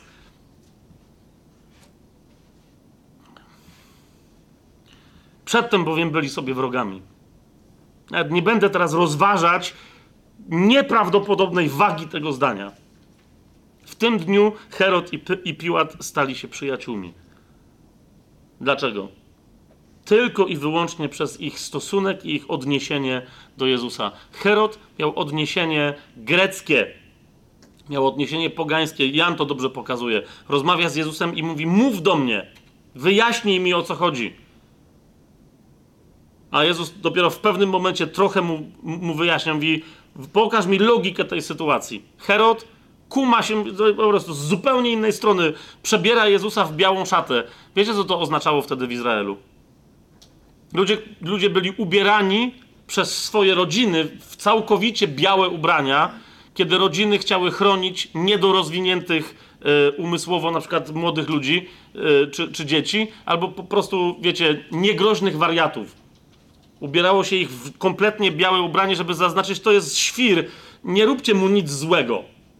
Okay? Bo to jest świr, to nie jest nienormalny człowiek, to jest wariat. To jest głupek. To jest głupek. Tylko tyle. Dlatego oni się z niego nabijali. Zobaczcie, oni tam niewiele mu po prostu wy- wyśmiali Jezusa, że okej. Czy- Czyli, czyli taki z ciebie cudotwórca. Ubrali go e, na znak, okej, jedyne co w nim odkryliśmy to, to, że, to, że to, jest, to jest ciołek. Wariat, zgrywus. Może nienormalny człowiek, no bo stoi, może się uratować i nic nie gada do króla, który mógłby zademonstrować jakiś znak, może by go Herod puścił. Dlatego, że ci tam wiecie, atakowali i oskarżali, bo się bali, że Jezus coś jeszcze może zrobić. I Herod by go puścił, bo Herod był mięczakiem. Zaraz po tym, jak zabił Jana Chrzciciela, Jezus właśnie w kontekście Heroda powiedział, czego przyszli, co, co przyszliście tutaj szukać? Mówi, co, co przyszliście tutaj szukać?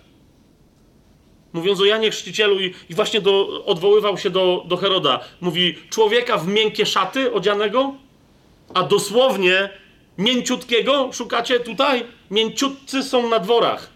Mięciutcy, czyli zniewieściali.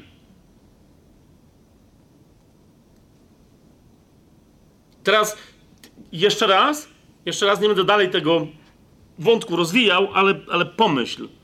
W momencie, kiedy na, naprawdę nikt z nas nigdy nie brał udziału e, w, w podekscytowaniu tym, że, że ma się pojawić znak, że gdzieś będą się działy cuda, że, że teraz ktoś, rozumiecie, w tym nakręcaniu takim emocjonalnym w niektórych, nawet kiedy się dzieją prawdziwe znaki i cuda. Ja pamiętam Reinharda, e, świadectwo, e, w którym opowiadał Reinharda Hirtlera, w którym opowiadał o tym, jak prowadził z, potężną ewangelizację e, w jednym miejscu. Były znaki, były cuda. Nie pamiętam, ile ona trwała z tydzień. Macie, ile to tam było? Wy, też czytaliście to, nie? E, I w przedostatni dzień zupełnie nic się nie stało. Kompletna niewiara w ludziach, pustka, mróz i tak dalej. Reinhard mówi, że, że poszedł stamtąd, przerwał całe nabożeństwo, nie wiedział, co się dzieje. Przez całą dobę się wtedy modlił, ponieważ Jezus mu pokazał, mówi, mówi ci ludzie, włącznie z tobą, wołają, że, że chcą mnie, ale nie, ale nie chcą mnie. Oni mnie chcą po to, żebym przyszedł i pokazał im kolejne znaki i cuda. Chcą być dotknięci, chcą poczuć się przytuleni, chcą zobaczyć chorych, którzy wstali zdrowi i to wszystko jest dobre, tylko że oni chcą znaków bardziej niż mnie. I Reinhard jako pierwszy wtedy mówi, że on, że on wtedy pokutował, padł na, na, na kolana, modlił się całą dobę e, i jak tam wrócił, to dokładnie od tego zaczął. On mówi, no mówi po, co, po, po co się tu zebraliście, żeby, żeby co oglądać? Oczekujecie znaków i cudów jak Żydzi, pokroju Heroda, bo teraz jeszcze powiemy o innych, czy oczekujecie Jezusa? Czy oczekujecie Mesjasza, który tak, kiedy przychodzi, objawia się w znakach i cudach, ale czy oczekujecie Jego, czy tego, co On za sobą niesie? Swoją drogą y, zwróćcie uwagę w pierwszym do Koryntian w piątym rozdziale. Y, to jest jedyne miejsce, gdzie Paweł tak wyraźnie mówi o tym, że Koryntianie mają między sobą zakwas. I że mają go usunąć, bo to jest zakwas grzechu. To jest pierwsze do Koryntian, piąty rozdział. Yy... Siódmy werset. Znaczy od szóstego wersetu, bo yy, yy, mówi, macie wśród was, co prawda, faceta, który nie wziął swojemu bratu żonę, ale wziął swojemu ojcu żonę. To jest prawie to samo. To też podpada pod przekleństwo, jak pamiętacie, mówiliśmy o tym w zeszłym tygodniu, tak? Piąty rozdział, pierwszy werset. Słyszy się powszechnie o nierządzie wśród was i to takim nierządzie, o jakim nie wspomina się nawet wśród pogan, mianowicie, że ktoś ma żonę swojego ojca. I teraz bardzo wyraźnie to nazywa Paweł zakwasem. Nie, nie to, że on to zrobił, to jest grzech, ale to, że cały Kościół patrzy na to i jakoś uzasadnia, że nadal nie ma co tego gościa tykać. No wziął to wziął. A wy wbiliście się w pychę, drugi werset, tak? I teraz Paweł y, wraca do tego wątku w szóstym wersecie i mówi: Wasze chlubienie się, to wbicie się w pychę nie jest dobre. Czy nie wiecie, że trochę zakwasu całe ciasto zakwasza? Mówi, to jest właśnie zakwas. I to jest, wiecie, to jest zakwas Heroda. Usuńcie więc stary zakwas, abyście byli nowym ciastem, bo jesteście przaśni. To jest to. Mamy bardzo konkretnie. E, Koryntian, którzy oczekują, że będzie Duch Święty działał, będą znaki, cuda, będzie szaleństwo. To jest, wiecie, to jest dobry, porządny, charyzmatyczny kościół. tylko który się w tym momencie tak zafiksował na znakach, że nie zauważył, że ewidentny grzech, albo zauważył, tak, ale uznał, że a grzech, nawet tak e, nędzny kogoś e, w społeczności nie jest aż tak istotny. Dalej. Zakwas saduceuszy, przyjrzyjmy się e, jemu. To jest inny rodzaj znaku. Saduceusze byli takimi spośród y, Herodian, bo od Herod, bo, bo Herod miał popleczników i tam była cała ekipa bardzo mocno zaprzyjaźniona, jeszcze troszkę o nich dzisiaj powiem, e, z faryzeuszami. Ale saduceusze z tych wszystkich ekip, że tak powiem, uczonych w piśmie, faryzeuszy, Herodian i tak dalej, saduceusze najmniej się spodziewali jakichś nadprzyrodzonych znaków. Tak? Cała ich postawa była postawą religia ma służyć naszym interesom ze wskazaniem na interesy, nie na władzę na przykład. Oni, władza im była potrzebna o tyle, o ile to było dobre dla ich interesów, tak? Więc, więc to było jak mm, zakwas Heroda to jest, religi- to jest pusta religijność, podekscytowana czymkolwiek, co wygląda na nadprzyrodzone. Tak, zakwas Saduceuszy to jest religijność, e, która, która nawet ze świętego Słowa Bożego robi narzędzie do powiększania własnego zysku. Po prostu, bo tam chodziło o swój osobisty zysk. Teraz e, zasadniczo w związku z tym saduceusze, e, że, żeby ten zysk, no, żeby wiele ich postaw było usprawiedliwionych, w związku z tym stwierdzili, musimy jak najbardziej ograniczyć, jak najbardziej literalnie podejść do Biblii, tej, którą mieli, ale yy, w sensie stwierdzili, że wszyscy prorocy na przykład, oni tam za dużo chcą od, od ludzi, więc uznali, że to nie może być natchnione. Pisma mądrościowe to nie może być natchnione. Historia o tyle, o ile. Oni powiedzieli tylko i wyłącznie Tora. A story tylko to, co Tora z całą pewnością stwierdza. Jak czegoś nie stwierdza, no to nie stwierdza. Więc na przykład przy takim obcięciu Słowa Bożego uznali, że nie ma takiego zjawiska jak zmartwychwstanie. Bez przesady. Człowiek żyje, Potem umiera i jak umiera, to jest tyle. Zauważcie, w związku z tym Saduceusz miał prawo na bazie swojej mocnej, opartej na Biblii religijności spodziewać się wszystkiego w tym życiu. Jeżeli gdzieś w tamtym czasie istniała Ewangelia sukcesu, to byli Saduceusze. Oni mówili, wszystkie błogosławieństwa Boże się muszą wyrazić, wyrazić w tym życiu. Wielością yy, stad, owiec, yy, krów, kóz, gęsi, co tam chcecie, tak? Wielością domów, wielością dzieci, wielością żon. To byli goście, którzy, jak im się stara żona, pierwsza żona znudziła, no to oni mieli takie dosyć yy, liberalne podejście, że po prostu facet ma dać kobiecie list rozwodowy. Z jakiego powodu? No, nawet Mojżesz napisał, że jeżeli znajdzie w niej obrzydliwość konkretnego rodzaju, czyli wszeteczeństwo, ale oni uznali, że nie, nie, to jest y, jakby cokolwiek może być wszeteczne. Na przykład ona rano wstanie i jest yy, rozczochrana. I on mówi, o, jesteś obrzydliwa i wypisuje jej list rozwodowy. Wystarczy. Wystarczy. To byli saduceusze. I dlatego zauważcie, za każdym razem, kiedy się pojawiał ktoś, kto śmiał, no i dlatego oni nienawidzili faryzeuszy, bo faryzeusze jednak e, szerzej traktowali Biblię z całym szacunkiem do, no po prostu, i oni uważali, że są istoty duchowe, są aniołowie, są i zmartwychwstanie też nadejdzie, e, dlatego oni się nie lubili, tak? Chociaż, no właśnie, nadal były interesy, które ich łączyły.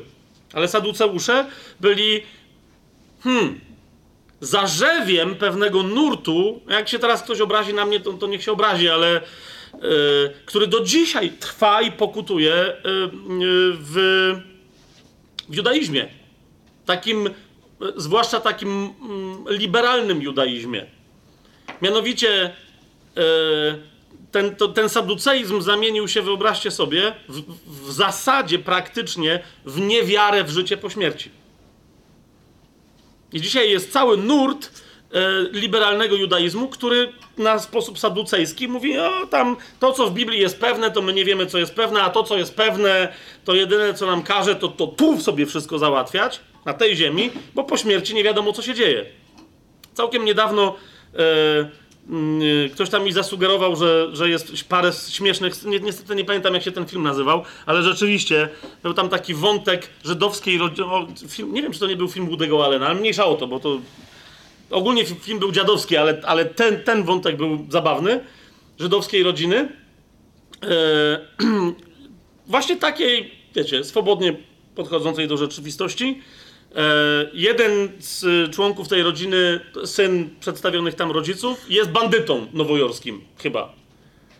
E, no i tam, wiecie, morduje ludzi, bo to są lata 20-30 przed II wojną światową. No i ktoś go tam wreszcie przyłapuje, trafia do więzienia i w więzieniu jest skazany na śmierć. I teraz dociera e, skandaliczna wiadomość do rodziców Żydów, tego Żyda, który siedzi w więzieniu, że on się w więzieniu nawrócił na katolicyzm. I wiecie, ci, oni wiedzieli, że ich syn morduje ludzi, zalewa ich betonem, pracuje z Al Capone czy tam z kimś. Nie, Al Capone to był w Chicago. Wiecie o co idzie? To nie stanowiło problemu. Ale chłop w więzieniu nawrócił się na katolicyzm, toż to wstyd. No bo teraz jeszcze, żeby się nawrócił, żeby nikt nie wiedział, tak? No ale skoro jest sławnym bandytą, jest skazany na śmierć, to wszystkie gazety piszą, że on tam się nawrócił i się wyspowiadał i tam księdzu się dał ochrzcić i tak dalej. I teraz odbywa się taka rozmowa, bo oni go tam skazują, on tam e, odwiedza go brat, nakłania go, mówi, ale wróć do judaizmu, a on mu mówi, wiesz co, ale, mówi, ale my nie wierzymy w życie wieczne. Dosłownie mówi, mówi, jakby, wiesz, to jest ten nurt, mówi, ale my nie wierzymy w życie wieczne. I mówi, no wiesz, ty jeszcze będziesz długo żył, to tam mówi, ale co ja teraz mam zrobić?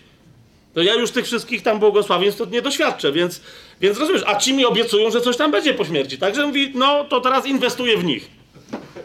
I ten wrócił do domu i to mówi mamie. Potem mama siedzi z ojcem i mówi, i mówi, ja nie wiem, mówi, mówi, może dlatego jest tak mało Żydów na świecie, bo my nie wierzymy w życie wieczne. Mówi, mówi popatrz, mówi, sporo ludzi by to przekonało.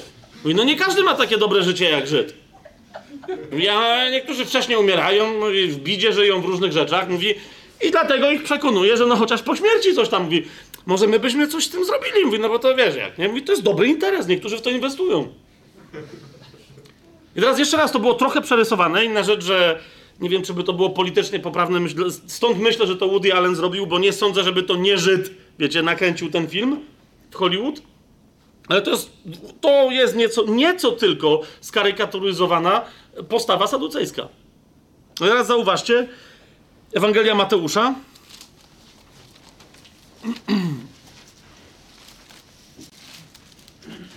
Cały czas rozważamy E, tą heretycką postawę natury żydowskiej, tak?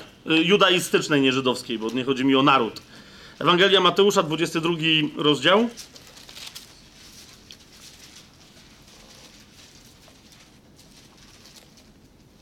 Dwudziesty trzeci werset.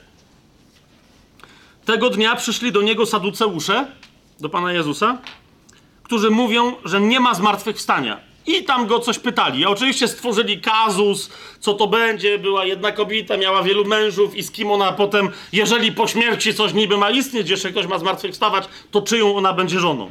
Natomiast Pan Jezus yy, dosyć szybko ich usadza, 29 werset, i mówi im, błądzicie, nie znając ani Pisma, ani mocy Bożej. Dziękuję. Tyle. Wiecie, to są ludzie, którzy uważają, że znaki są fajne tylko i wyłącznie pod warunkiem, że służą ich własnemu interesowi. Tu przychodzi gość, który rzeczywiście robi tam jakieś znaki, trzeba podważyć jego wiarygodność, pokazując mu, że, jest, że, że to, co on robi, to, co, czego on naucza i tak dalej, jest niezgodne z jakąś, jakimś bardzo wąskim, literalnym, ale przeliteralnionym rozumieniem pisma. Tak? Bo ktoś mówi, oni zawsze saduceusze mówili, My jesteśmy dzisiaj, y, akurat znam y, ze dwie osoby, które są dumne z tego, że są współczesnymi saduceuszami. I oni mówią, my ściśle, ale Izajasz, ale ja nie będę rozważać Izajasza. Jaki tam 53 rozdział? Żaden Izajasz. Tylko Tora. W Torze tylko to, inaczej, bo potem, rozumiesz, bo potem z tego powstaje dziwna religia. No ale twoja religia to nie jest dziwna? Jak nawet nie wiesz, czy jest życie wieczne, o, jest Sheol, tam wszyscy śpią. No ale o tym też Tora nie mówi. Ale ja tak uważam, to lepiej tak. Bo jak oni tam szelą, a się w tym Szeolu śpią i się obudzą, a, a. Jezus mówi, nie znacie ani Pisma, ani mocy Bożej. To jest, to, to jest bardzo mocne stwierdzenie. Nie znacie ani Pisma, ani mocy Bożej. Nie oskarża ich, dlaczego tak jest, ale mówi, no niestety. Zauważcie w dziejach apostolskich, jak sobie otworzymy, e, ludzie, którzy pilnują, żeby apostołowie nie głosili, nie wiem, czy na to zwróciliście uwagę, po śmierci Jezusa, e, zwłaszcza po, po tym, jak Gamaliel pewną postawę, który był faryzeuszem, pewną postawę przyjął, faryzeusze nie do końca wiedzą, co mają robić. Bo za, zaczynają się bać. Albo przyjmują, osza- albo w pewnym momencie, jak już wiedzą, to przyjmują taką oszalałą postawę, jaką Szaweł Starsu reprezentował. Wtedy, jak już, oni jak już ruszają, to mordują. Tak? Natomiast saduceusze się pojawiają w czasie pierwszego głoszenia w Jerozolimie i tylko oni. Dlaczego? Bo im to psuje interes. Jeden z ważnych elementów ich interesu był interes świątynny i okołoświątynny. Zasadniczo to saduceuszom Pan Jezus biznesy popsuł. Pamiętacie, jak wlazł do świątyni i te wszystkie kantory powywalał i tak dalej. I oni myśleli, dobra, zabiliśmy Jezusa, będzie spokój. No a teraz nie ma Jezusa, w jego miejsce się nagle robi 120, 3000, 8000 takich samych wariatów. Więc coś z nimi trzeba zrobić. No, zwróćcie uwagę, Dzieje apostolskie, czwarty rozdział, pierwszy werset. To jest głoszenie, tak? Piotr z Janem głoszą. I kto przylatuje? No bo wiecie, oni szli przed sionek Salomonowy, tak? Czwarty rozdział, pierwszy werset. Gdy mówili to do ludzi, nadeszli kapłani, dowódca straży świątynnej i kto? I saduceusze. Oczywiście, zobaczcie, nie ma faruzeuszy tutaj, tak? Dalej. Piąty rozdział, siedemnasty werset. Wtedy najwyższy kapłan, y, to jest po 16 wersecie, schodziło się też z okolicznych miast do Jerozolimy mnóstwo ludzi, przynosząc chorych i dręczonych przez duchy nieczyste, a wszyscy zostali uzdrowieni. I teraz, gdzie zostali uzdrowieni? Tam, gdzie byli chrześcijanie. Więc w związku z tym, rozumiecie, nie szli, ten cały tłum nie szedł do świątyni, żeby tam ofiary składać i tak dalej. No skoro tu od ręki są załatwiani i to jeszcze za darmo, tak? Więc 17 werset mówi: Wtedy najwyższy kapłan i wszyscy, którzy z nim byli, należący do stronnictwa saduceuszy, pełni zazdrości, powstali i schwytali apostołów, których wtrącili do publicznego więzienia. To są saduceusze. Widzicie? Znowu nie ma mowy o faryzeuszach w tym miejscu. To są ludzie, których nie interesuje to, że właśnie ktoś był uzdrowiony. Właśnie całe tłumy ludzi są uzdrawiane. Ich to nie interesuje. To, czego oni szukają, to jest taki układ religijny, to jest ich znak, który będzie służyć ich interesom, a tu ewidentna moc Boża się objawiająca. Jedyne, co wzbudza, to ich zazdrość. 23 rozdział dziejów apostolskich. No tam te sytuacje w ten zabawny, przezabawny sposób wykorzystuje Paweł. To jest 23 rozdział, szósty werset. Wiedząc o tym konflikcie, no to jest, to właśnie, to jest jeden, jedyny moment, kiedy ktoś z sensem wykorzystał zakwas faryzeuszy i saduceuszy. To był Paweł. 23 rozdział dziejów apostolskich, szósty werset. A Paweł, poznawszy, że jedna część składu, to był Sanhedryn, wszyscy się wtedy zeszli, mieli sądzić Pawła. A Paweł, poznawszy, że jedna część składa się z saduceuszy, a druga z faryzeuszy, zawołał do rady. Mężowie bracia, jestem faryzeuszem, synem faryzeusza. No i nie skłamał. Teoretycznie i praktycznie nadal należał, tak? Bo to wszystko zależało. No okej. Okay. Więc i mówi, sądzą mnie natomiast dzisiaj z powodu nadziei i zmartwychwstania umarłych. I teraz zauważcie, rozumiecie, jak, jak, jak, jak ten jeden i drugi rodzaj religijności, bo zaraz jeszcze o faryzeuszach sobie powiemy, broni swojej ideologii. Oni wiedzieli, kim jest Paweł, to jest 23 rozdział dziejów apostolskich. Tak? Ale Paweł podniósł publicznie, że stoi po jednej stronie religijnego żydowskiego sporu. I co się wtedy stało? Gdy to powiedział, powstał spór między faryzeuszami a saduceuszami i doszło do rozdwojenia wśród tej gromady zebranych. Saduceusze bowiem mówią, że nie ma zmartwychwstania ani anioła, ani ducha, a faryzeusze wyznają jedno i drugie. I wszczął się wielki krzyk, a uczeni z, w piśmie ze stronnictwa faryzeuszy się zerwali i zaczęli spierać, mówiąc, niczego złego nie znajdujemy w tym człowieku. Nagle, w 23 rozdziale dziejów apostolskich. Jeśli mu coś powiedział duch albo anioł, to nie walczmy z Bogiem. Rozumiecie, co się dzieje?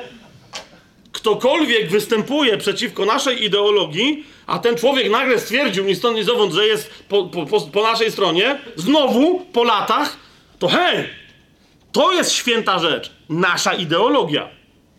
Saduceusze, zresztą nawiasem mówiąc tu, jest bardzo interesujące słowo na temat tego, co się stało, bo dosłownie w języku greckim jest powiedziane, że jak Paweł to powiedział, to doszło do powstania Tak, w sensie, wiecie, jak powstanie kościuszkowskie, czy powstanie warszawskie, do, do, dosłownie do insurekcji doszło, że oni się zerwali do walki. Jak to?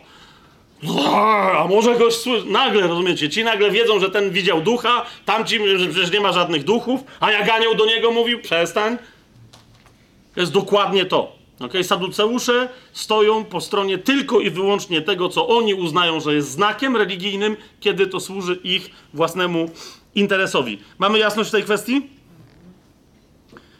Pierwsze do Koryntian, swoją drogą, zauważcie, yy, yy, o, o takiej postawie, przed taką postawą ostrzega, bardzo konkretnie, gdy chodzi o niewiarę w zmartwychwstanie. Ewidentnie pojawili się ludzie, yy, bo to nie wynika z gnozy, ale pojawili się w Koryncie ludzie, być może nawróceni chrześcijanie ze stronnictwa saduceuszy którzy zaczęli mówić, że nie ma czegoś takiego jak zmartwychwstanie. Okay? Cały 15 rozdział pierwszego listu do Koryntian jest dokładnie temu poświęcony. I Paweł mówi: Jeżeli nie ma zmartwychwstania, to próżna jest nasza wiara i do tej pory trwamy w naszych grzechach. Więc się ogarnijcie. A, że to mogli być saduceusze, nawróceni na chrześcijaństwo, ale którzy postanowili być wierni swojej starej filozofii, to zobaczcie sobie 1 do Koryntian 15 rozdział 32 werset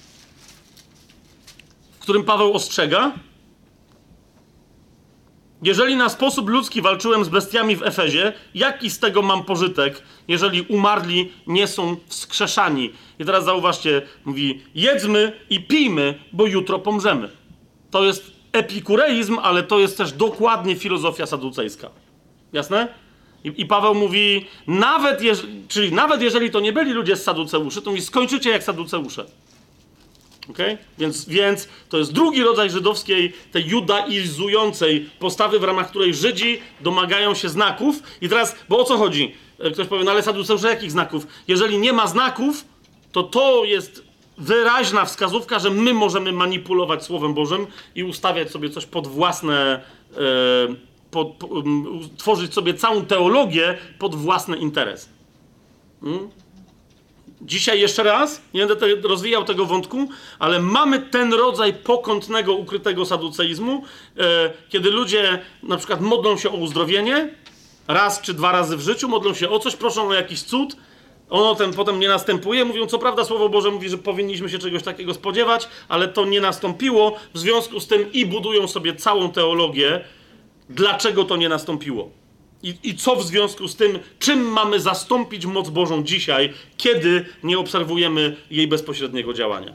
A czemu moc Boża nie działa, to Słowo Boże w, w wielu miejscach e, to tłumaczy i, i, uzasadnia. Jeżeli chcecie, e, może znacie, wiem, że niektórzy znają, ale jeżeli ktoś nie zna, to polecam książkę, nie pamiętam teraz autora, jakże on się nazywał, Przebudzenie wśród Zulusów. Ergo Stein, tak? Dobrze mówię? Pastor y, z Republiki Południowej Afryki, który mówi właśnie dokładnie o czymś takim. Mówi, że miał. Yy, yy, jak? Erlo. Erlo. Erlo Stegen, tak. Yy, z Republiki Południowej Afryki miał do czynienia z poważnym opętaniem. głosił, że Jezus jest tym, który uwalnia od wszelkiego rodzaju złych duchów zgodnie z prawdą. Po czym dwa tygodnie bodaj się modlili on i jego starsi o uwolnienie kobiety, która była opętana tam przez jakieś straszliwe demony I nie tylko, że niczego nie zdziałali, żeby ją od tych demonów uwolnić, to jeszcze oni prawie, że stracili wiarę. W sensie te demony, które były w tej kobiecie, się nabijały z, z, z nich, z ich modlitwy, z ich chrześcijaństwa i z ich Jezusa. Więc pierwszą część swojego świadectwa, którym jest ta książka Przebudzenie wśród Zulusów, poświęca dokładnie temu, co on wtedy postanowił zrobić, żeby zostać dalej chrześcijaninem, jaką sobie sztuczną teologię saducejską właśnie wymyślił, żeby już nie musiał nigdy stawać w obliczu takich konfrontacji, że ktoś mu mówi, jeżeli Jezus zmartwychwstał i żyje, to, to, to niech pokaże swoją moc. I on wtedy miał całą teologię, żeby takim ludziom odpowiadać, no nie, nie, Jezus zmartwychwstał i żyje, ale to nie spodziewajmy się z tego powodu czegoś wielkiego. I jednocześnie opowiadał o tym, z, jak, z jakim cierpieniem e, żył pod tą teologią, wiedząc, że to, że to jest coś nie tak. Jeżeli Jezus, który obiecuje, że ma wszelką władzę na niebie i na ziemi, nie może tej władzy sprawować, to skąd my to niby możemy wiedzieć? Nie? Więc to jest bardzo, bardzo ciekawe, bardzo ciekawe świadectwo e, pastora, który później, później, kiedy zaczął doświadczać mocy Bożej, właśnie co się stało, Dlaczego wtedy nie zadziałało, a potem nagle co się stało? Jakiego nawrócenia e, Duch Święty się domagał od niego? Co się stało, e, że on później się i z tej, z tej wymyślonej przez siebie teologii wyzwolił i doszło wręcz do przebudzenia, które, rozumiecie, ono trwa parę dziesiąt lat.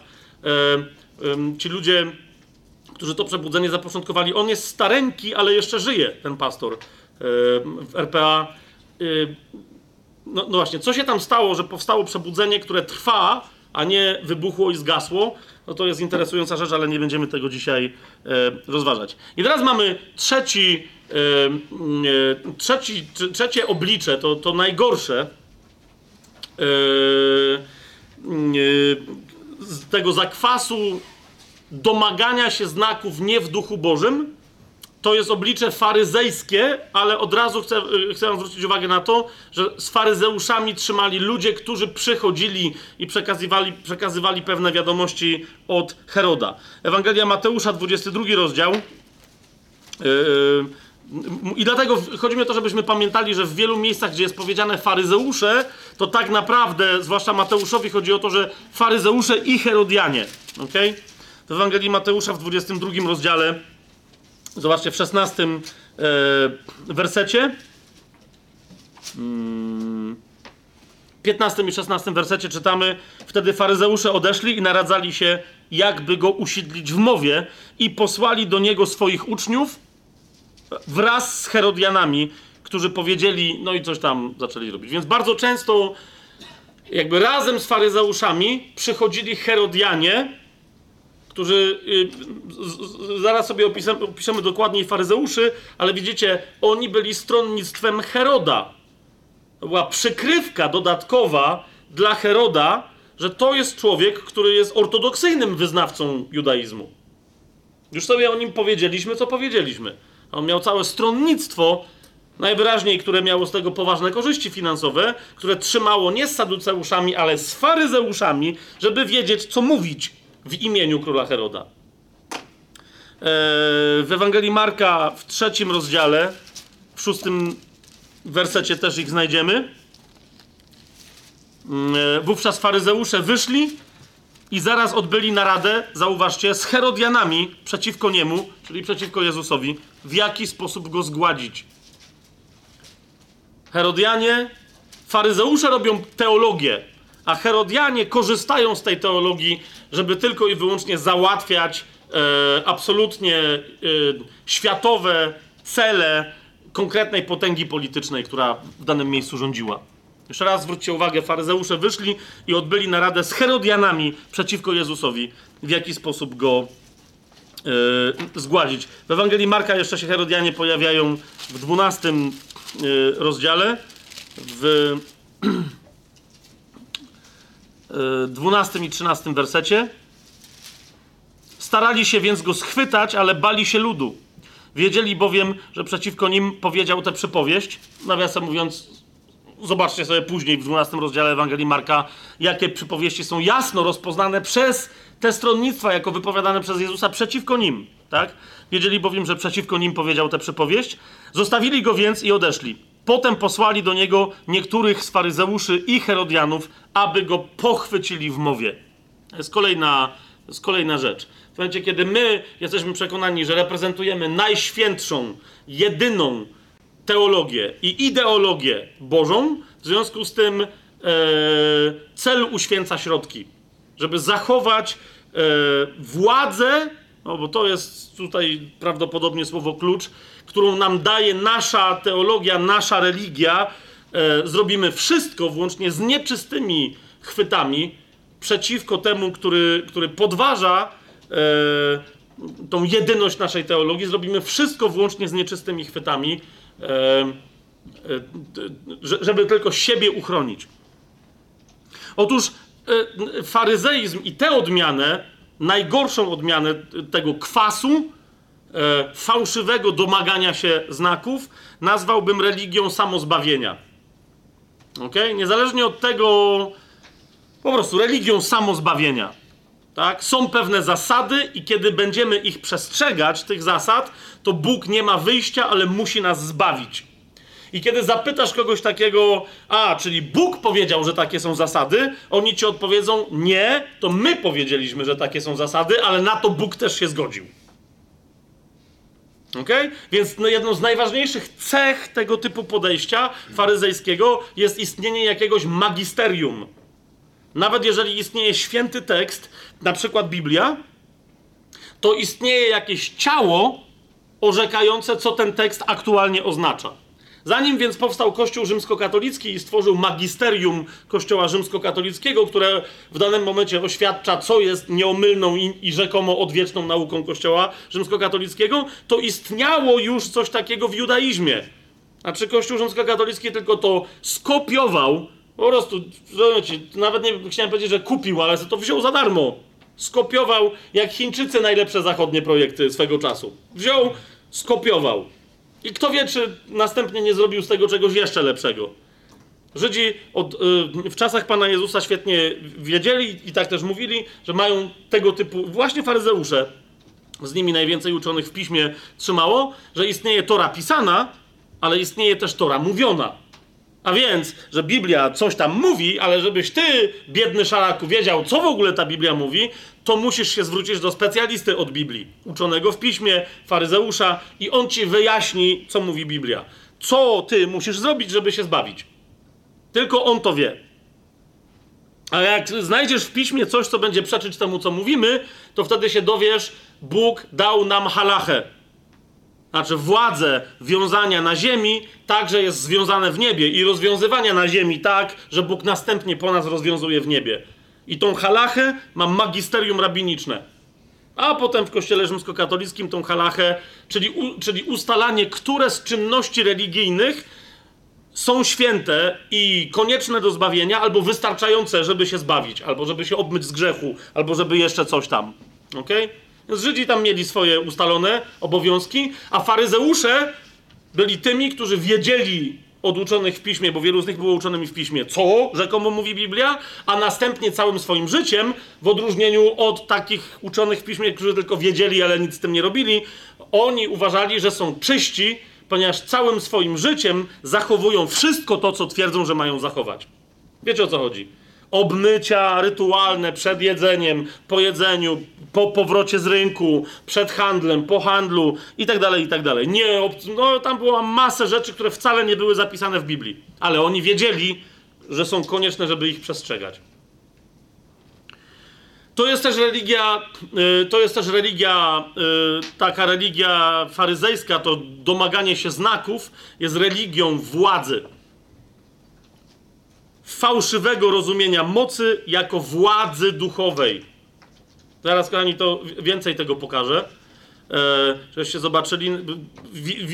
Cytaty, które znacie zapewne z Biblii bardzo dobrze, ale na które być może nie zwróciliście, e, być może nie zwróciliście uwagi. Najpierw spójrzcie na jedną rzecz. Wrócimy do tego wątku, że przecież Żydzi oczekiwali znaków, Paweł, Je Jezus demonstrował znaki, bo wiedział, że Żydzi oczekują znaków. Paweł demonstruje znaki, bo wie, że kto wierzy w Boga powinien oczekiwać mocy i znaków. I niektórzy mówią, no tak, ale faryzeusze właśnie byli tak, taką perwersję mieli w głowie, że nie rozpoznawali tych znaków. Nieprawda! Ewangelia Jana, trzeci rozdział. Przychodzi uczciwy faryzeusz do Pana Jezusa, czyli Nikodem, i mówi y, bardzo interesującą rzecz. To jest trzeci rozdział Ewangelii Jana, pierwszy i drugi werset. Był pewien człowiek z faryzeuszy imieniem Nikodem, dostojnik żydowski. Przyszedł on do Jezusa w nocy i powiedział: Mistrzu, wiemy, e, jaka jest liczba? Mnoga. Powiedział: Mistrzu, wiemy, że przyszedłeś od Boga jako nauczyciel, ponieważ nikt nie mógłby czynić tych znaków. Tu jest znowu ten wyraz, o którym już mówiliśmy ponieważ nikt nie mógłby czynić tych znaków, które ty czynisz, gdyby Bóg z nim nie był. A więc początkowe odniesienie się całej masy, bo to nie jest jeden gość. Jeżeli przychodzi wysłannik, to znaczy, że tam jest poważna grupa.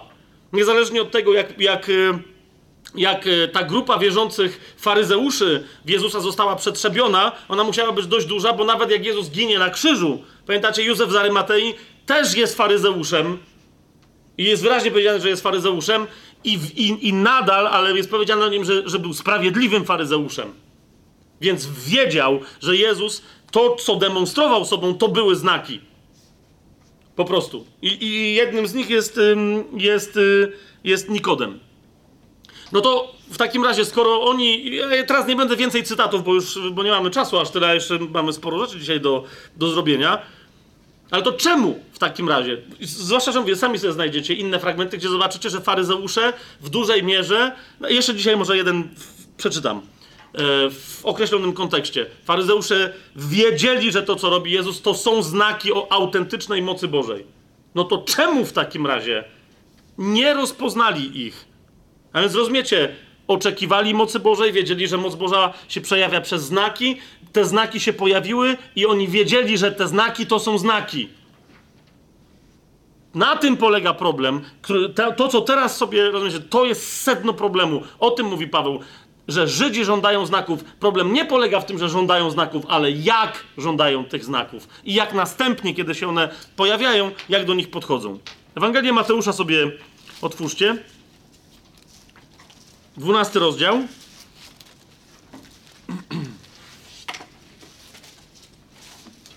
No bo zauważcie, w Ewangelii Mateusza ta przedziwna, paradoksalna sytuacja się non-stop powtarza. Oni wiedzą, że Jezus dokonuje znaków.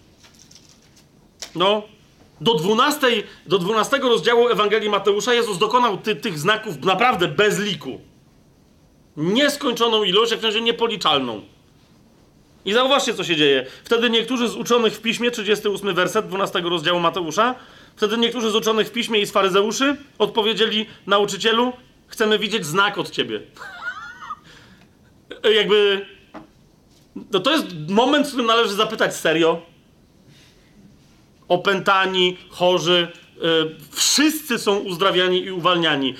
Umarli, Jezus wskrzesza. Sporo całkiem ludzi wskrzesił. O co chodzi, że oni przychodzą i mówią, e, fajnie, ale my chcemy znaku. W 16 rozdziale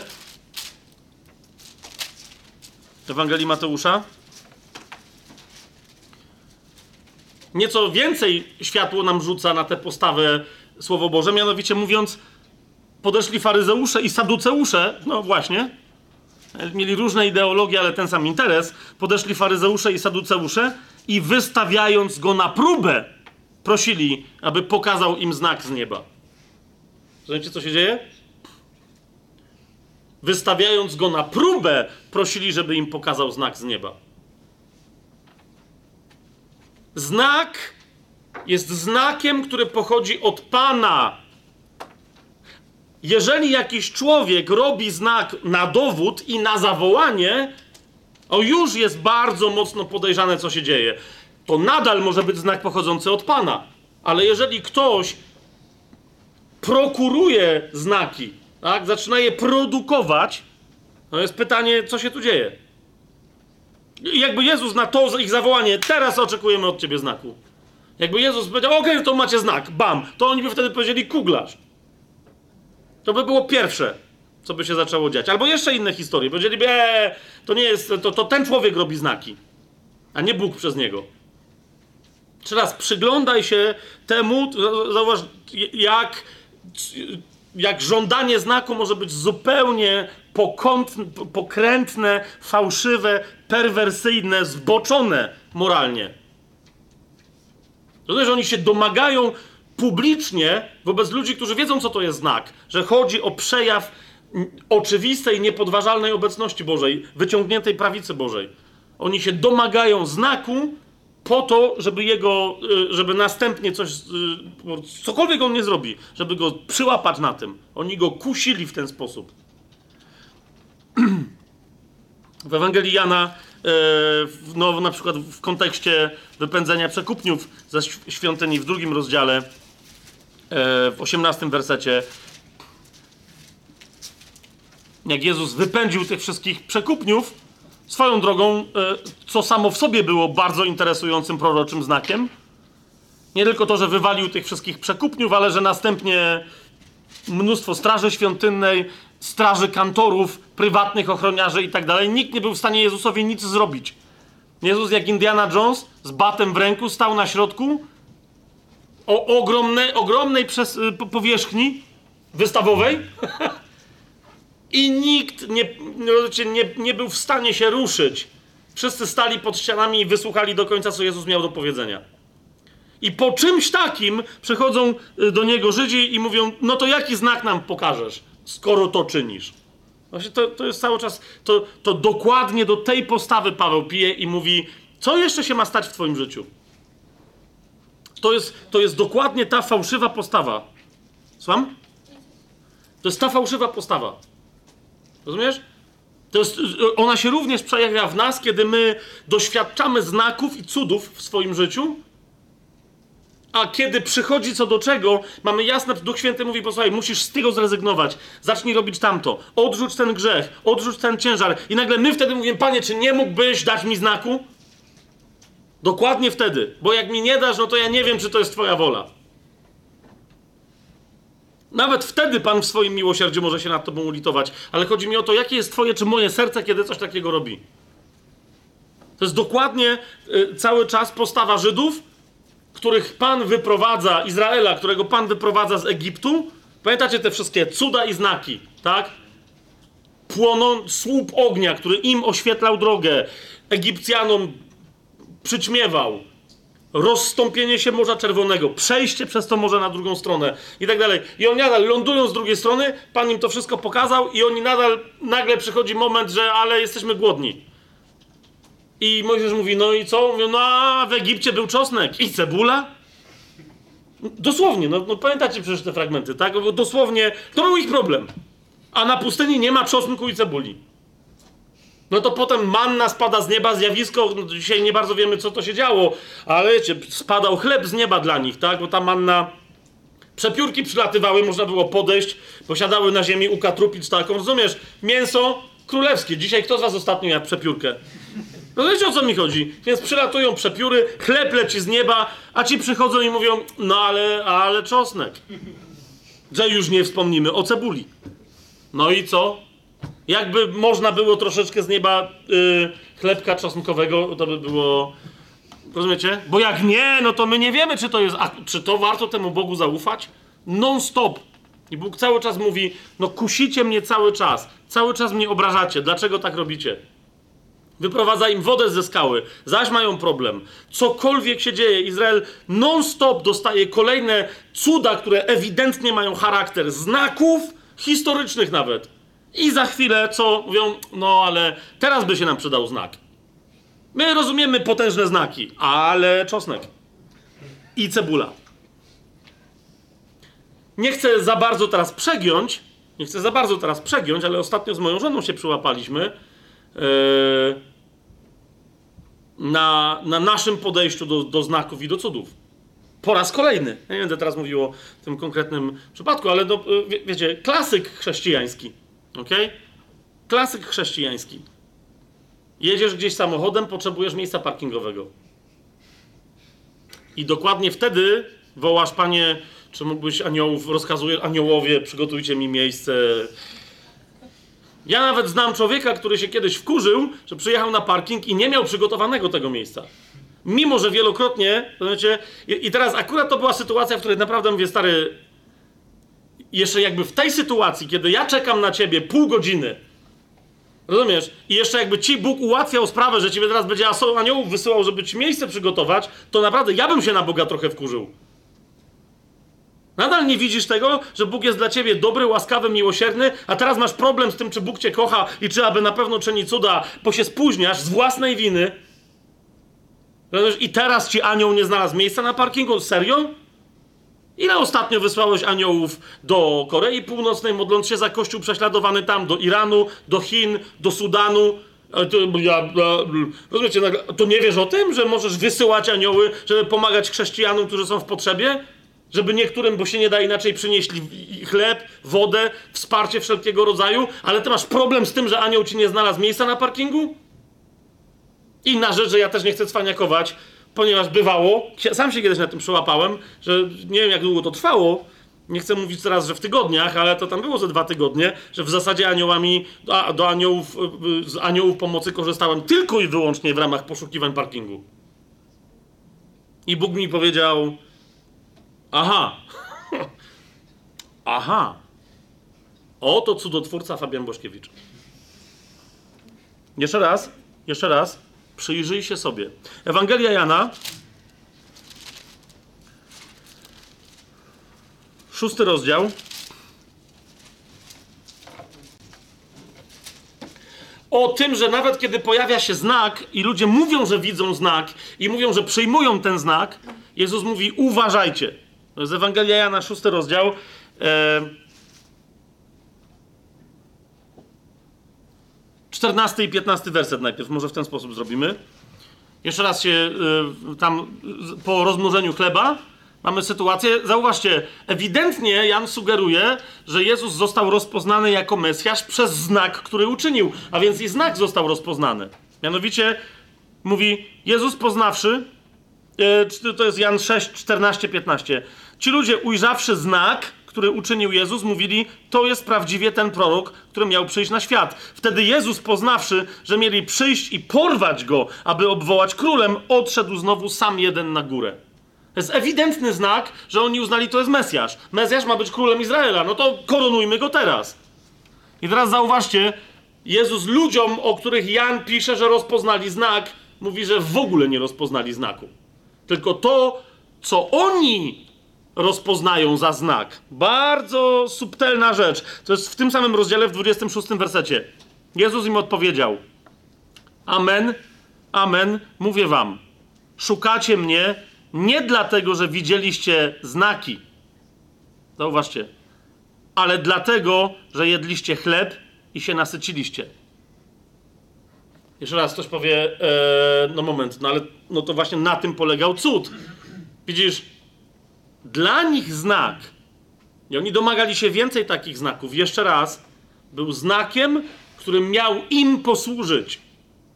Wiecie o co chodzi? Nie miał być znakiem, który miał skierować ich w wolę na służenie Bogu. To miał, to, to miał być znakiem dla nich było to, co im posłużyło. O!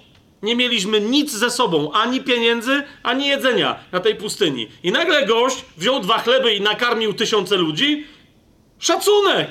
To musi być Mesjasz. Od tej pory już nic nie będziemy robić, tylko on nas będzie karmił. Jezus im mówi: Wy wiedzieliście, że to było cudowne, ale nie chcecie iść za konsekwencją tego, co znaczy znak, który Pan przeze mnie czyni. Szukacie mnie nie dlatego, że widzieliście cuda, znaki w tym, ale dlatego, że jedliście chleb i nasyciliście się. Zabiegajcie nie o pokarm, który ginie, ale o pokarm, który trwa ku życiu wiecznemu, który wam da Syn Człowieczy. Jego bowiem zapieczętował Bóg. W dziewiątym rozdziale, jak sobie otworzymy Ewangelię Jana,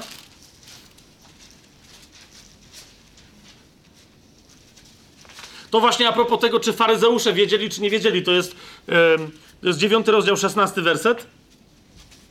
Wtedy niektórzy z faryzeuszy powiedzieli, ten człowiek nie jest z Boga. Zauważcie, niektórzy z faryzeuszy powiedzieli, ten człowiek nie jest z Boga, bo nie przestrzega szabatu. Inni natomiast e, kontekst gramatyczny tu jest jasny, inni z faryzeuszy. Zauważcie, mówili, jak może grzeszny człowiek czynić takie znaki? I nastąpił wśród nich rozłam. Widzisz, to jest drugie oblicze faryzeizmu. Oni mówią, to są ewidentnie znaki. Ale wtedy włącza się religia. Po co ona się włącza? Która mówi, no to fajnie, ale ten człowiek ewidentnie występuje przeciwko ideologii, którą my stworzyliśmy ponieważ nie zachowuje szabatu, a w każdym razie nie zachowuje go tak, jak my mówimy, że trzeba zachowywać. Anarchista. My i tylko my wiemy, jak to robić. A, a reszta mówi, no dobra, ale to są znaki, prawda? To są znaki. Więc jeżeli by on łamał szabat, to by grzeszył, a skoro by grzeszył, to jakim cudem by czynił takie znaki? No to oni potem jeszcze publicznie, pamiętacie, wymyślali, że on mocą Belzebuba to robi i tak dalej, i tak dalej. Nikt to nawet oni sami jak to gadali, to nie bardzo chcieli w to wierzyć. Ewangelia Jana, 11 rozdział, 47 i 48 werset. Otóż tu się wszystko wyjaśni. Widzisz, nie, jeżeli to nie jest własny interes, jeżeli to nie jest pusta religijność, która się ekscytuje znakiem jako po prostu, o, fajnie, chyba jakiś duch się pojawił, to wtedy o co chodzi? O władzę. Nie o pieniądze, ale o władzę. 11 rozdział Ewangelii Jana 47, 48. Wtedy naczelni kapłani i faryzeusze zebrali się na naradę i mówili: Co zrobimy? Zwróćcie uwagę na to zdanie, bo ten człowiek czyni wiele znaków. To jest kolejne miejsce, gdzie się pojawia słowo znak. Co zrobimy? Bo ten człowiek czyni wiele znaków i już nie ma wśród nich rozłamu. Oni wiedzą, że to są znaki, ale jeżeli go tak zostawimy, wszyscy uwierzą w niego i przyjdą Rzymianie, tu jest racjonalizacja. Jak uwierzą w niego, to pójdą za nim, tak? Ale żeby nie było, że my. Nie, nie. Przyjdą Rzymianie i zabiorą nam to nasze miejsce i naród. Co to znaczy? Zabiorą nam to nasze miejsce, czyli świątynię, przy pomocy której całej ideologii, którą wokół niej stworzyliśmy, rządzimy, władamy duszami tego narodu. To jest zakwas faryzejski, to jest fundament zakwasu faryzejskiego. To jest, na tym polega domaganie się znaków albo nieuznawanie znaków, nawet jeżeli się wie, że to są znaki. Bo ważniejsze od znaku, o tym Paweł mówi, że oni domagają się znaków. Jakich? Takich, które potwierdzą ich władzę duchową. I to nie musi być wcale znak nadprzyrodzony. Zauważcie, Żydzi, którzy później wobec Pawła nie mieli nijak, zresztą wobec Pana Jezusa też, jak oni mieli, rozumiecie, oni nie mieli żadnych znaków. Żadnych znaków. Ok? Co oni mieli zrobić? Przyszli i powiedzieli, no ale on nie zachowuje szabatu. Ale on bluźni przeciwko świątyni, pamiętacie? Jak wisi na krzyżu, o co go oskarżają? On bluźnił, że, że zburzy świątynię. No to proszę bardzo. Paweł dokładnie to samo. On mówi: Hej, przeze mnie działa moc Boża. Zobaczcie na te wszystkie znaki. Przychodzą Żydzi i mówią: Najważniejszy jest znak obrzezania. To jest najważniejszy znak. Oni się taki, rozumiecie, jeżeli religia nie może wyprodukować znaku, który przekona ludzi, że jest nadprzyrodzony, w takim razie mówi, najważniejsze znaki to są te, które my uważamy za znaki i one są zawsze związane z, z jakimś prawem religijnym. I jeszcze raz, przyjrzyj się swojemu zborowi, swojej społeczności, swojemu kościołowi, wspólnocie, gdzie tam jesteś. I swojej postawie tam. Czy, czy czasem właśnie we mnie nie ma takiej postawy, takiego zakwasu faryzejskiego? Gdzie jakiś rodzaj teologii, do której jestem przywiązany, ok? Yy, w momencie, kiedy ktoś. No ja już teraz nie mówię o tym, że przychodzi jakieś doświadczenie z zewnątrz, ale ktoś mi pokazuje po prostu jakieś światło, które ewidentnie świeci z Biblii. Ale wtedy bym musiał zmienić teologię nieco. A zmieniając teologię, może bym musiał zmienić e, nagle sp społeczność, w której żyję. Co wtedy się dzieje? No właśnie, to jest mój naród. Halo. Teraz wszyscy powiedzą, że jestem zdrajcą.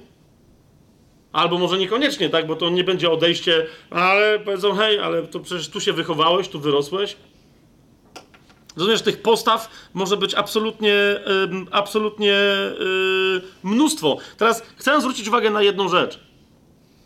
Ewangelię Mateusza, jak sobie otworzyć, żeby, żeby jeszcze lepiej to zrozumieć. na przykład w Ewangelii Mateusza. Siódmy rozdział. Yy, 28 i 29 werset. Ewangelia Mateusza, 7 rozdział, 28 i 29 werset. A gdy Jezus dokończył tych słów, ludzie zdumiewali się Jego nauką. Uczył ich bowiem jak ten, który ma moc, a nie jak uczeni w piśmie.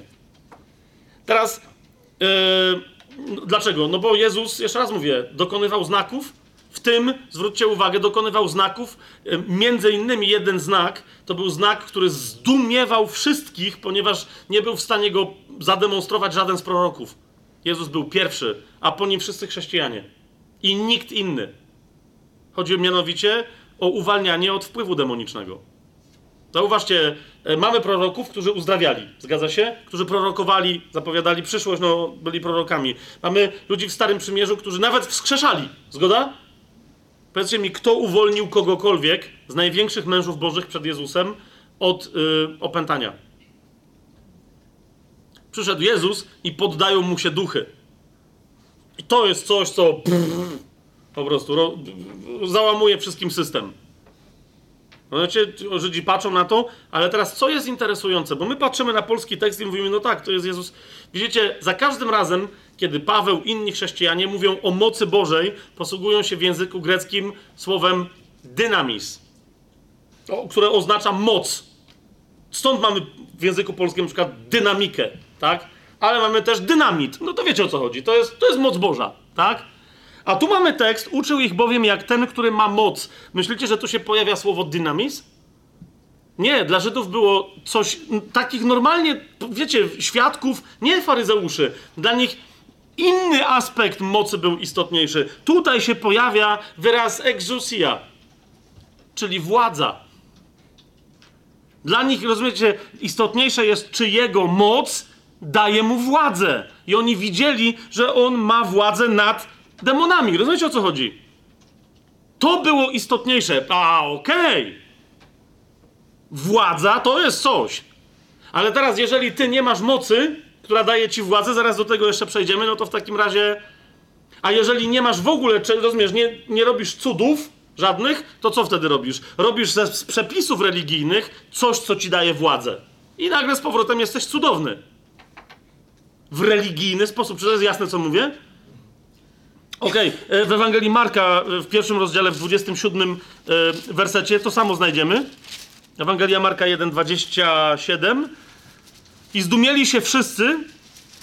E, widzicie, tu mamy bardzo jasny kontekst. 26 werset. Wtedy duch nieczysty szarpnął nim i zawoławszy donośnym głosem wyszedł z niego, czyli Jezus uwalnia kogoś spod wpływu bardzo mocnego wpływu demonicznego. I zdumieli się wszyscy, także pytali się między sobą, co to jest co to za nowa nauka, że z mocą rozkazuje nawet duchom nieczystym i są mu posłuszne. To jest właśnie to. Cuda, inne uzdrowienia, okej, okay, to, to my wiemy, to prorocy robili, ale to, to jest coś zupełnie nowego. I jeszcze raz pojawia się słowo z mocą rozkazuje. Jak, jakie myślicie, jakie tu jest greckie słowo? Exousia. Władza, a nie dynamis, czyli, czyli moc. Ok? To, jeżeli, jeżeli pojawia się nadprzyrodzone zjawisko i daje ci władzę, to jest, rozumiecie, to, jest, to, to są te znaki, których domagają się Żydzi. I za każdym razem, kiedy my mamy taką fałszywą postawę, że chcemy znaków dla władzy, ok? To, to dokładnie wtedy mamy zakwas faryzeuszy. To jest to, że my nie chcemy, żeby się objawiła dynamizm, moc Boża, ok? Ale, ale, ale żeby się objawiła exousia, nasza własna władza w Ewangelii Mateusza w 27 rozdziale. Dlatego, zauważcie, Jezus powiedział faryzeuszom, jak oni przychodzili i go nakłaniali i mówią, no to pokaż jakiś znak. On za każdym razem sugerował im, że znakiem będzie to, że będę leżeć trzy dni i trzy noce w grobie, a potem wstanę z martwych. I to jest jedyny znak, jaki dostaniecie wy. W, w Ewangeliach y, jest to nazywane znakiem Jonasza, Pamiętam, nie muszę tego cytować, tak? Wszyscy wiedzą o co chodzi. Lub też właśnie znakiem odbudowania świątyni w Ewangelii Jana, gdzie pamiętacie, oni mówią, no to 46 lat ta świątynia była budowana, a Jan mówi, ale on mówił o świątyni swojego ciała, że ją odbuduje w trzy dni. Tak? Teraz, y, zobaczcie, 27 rozdział, 40 y, werset.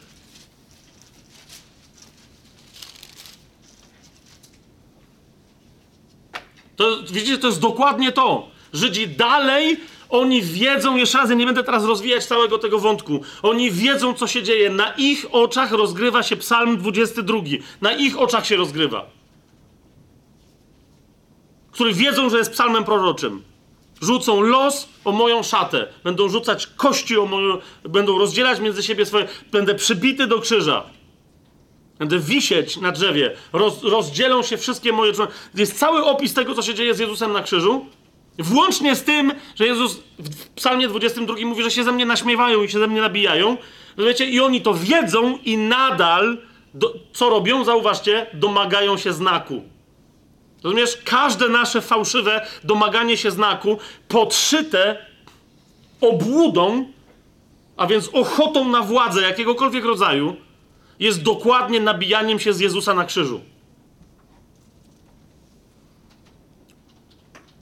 27 rozdział Mateusza 40 i dalej. 39 nawet werset, żeby to było jasne. A ci, którzy przechodzili obok, bluźnili mu, kiwając głowami i mówiąc: Ty, który burzysz świątynię i w trzy dni ją odbudujesz, co nawiasem mówiąc, za chwilę się stanie. Rozumiecie o co chodzi? Ratuj samego siebie. Widzicie, co jest grane? Władza, czy to będzie potrzeba władzy faryzejska, czy, czy, czy, inter, czy, czy zysku saducejska, czy po prostu e, podniety, bo akurat jej w danym momencie potrzebuje, herodowska, to, to, to za każdym razem w centrum jest ego tego, kto potrzebuje znaku. Rozumiesz? Mój interes, moja władza, moja ekscytacja, moja racja, którą ty potwierdzisz, i tak dalej, i tak dalej. I dlatego mu mówią, ratuj samego siebie. To będzie dla nas znak. Jeżeli jesteś synem Bożym, zejdź z krzyża. Co za paradoks. Y, Podobnie naczelni kapłani z uczonymi w piśmie i starszymi, naśmiewając się, mówili: Innych ratował, a samego siebie uratować nie może. Jeżeli jest królem Izraela, niech teraz zejdzie z krzyża, a mu uwierzymy. Rozumiecie, to jest domaganie się znaku mesjańskiego. Wobec właśnie dawanego znaku mesjańskiego, właśnie rozpoczynającego się znaku, o którym Jezus powiedział: Nie będzie wam dany żaden inny znak z wyjątkiem znaku Jonasza. Szoker i sensacja, ale zamiast pokazywać na faryzeuszy jeszcze raz, my musimy się przyjrzeć temu, co my robimy w ramach swojej praktyki kościelnej, swojej praktyki społecznościowej, praktyki zborowej. Musimy absolutnie, rozumiecie, za tego typu postawy pokutować. Nie innym je wytykać, ale u siebie je dostrzegać. Izajasz zapowiadał, że tak będzie. To jest ósmy rozdział. Yy, to jest ósmy rozdział.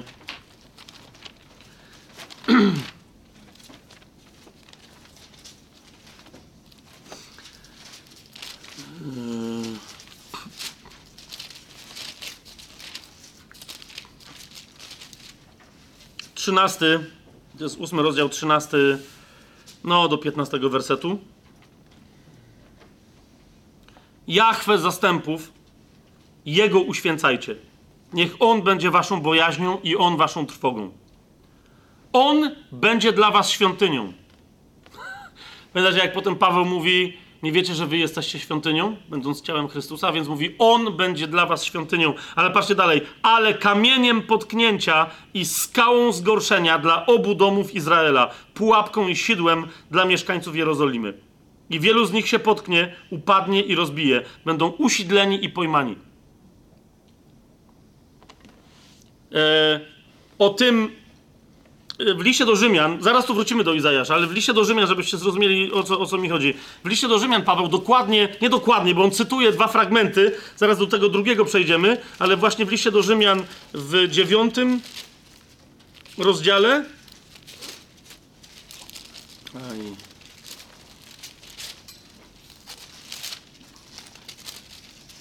On, pa, Paweł tam kompiluje dwa fragmenty. To jest y, 33 werset. mówi o Izraelu od 31 wersetu. Izrael zaś zabiegając o prawo sprawiedliwości, nie doszedł do prawa sprawiedliwości. Dlaczego? Ponieważ oni zabiegali nie z wiary, ale jakby było z uczynków prawa. Potknęli się bowiem o kamień potknięcia. Jak jest napisane, oto kładę na Syjonie kamień potknięcia. Zwróćcie uwagę na to sformułowanie i skałę zgorszenia. A każdy, kto w niego wierzy, nie będzie zawstydzony. Potknęli się o co? O kamień potknięcia i o skałę zgorszenia. Skała zgorszenia e, w Septuagincie, jak i w Nowym Testamencie, za każdym razem to jest jeden wyraz. Skandalon. Skandal. O to się potknęli. O, o Mesjasza, który dał znak, którego oni się nie domagali. Wróćmy do Izajasza, tam to będzie jeszcze bardziej wyraźne, bo tu y, Paweł robi kompilację i mówi, a nie będzie zawstydzony. Kto? Y, u Izajasza w 28 rozdziale y, czytamy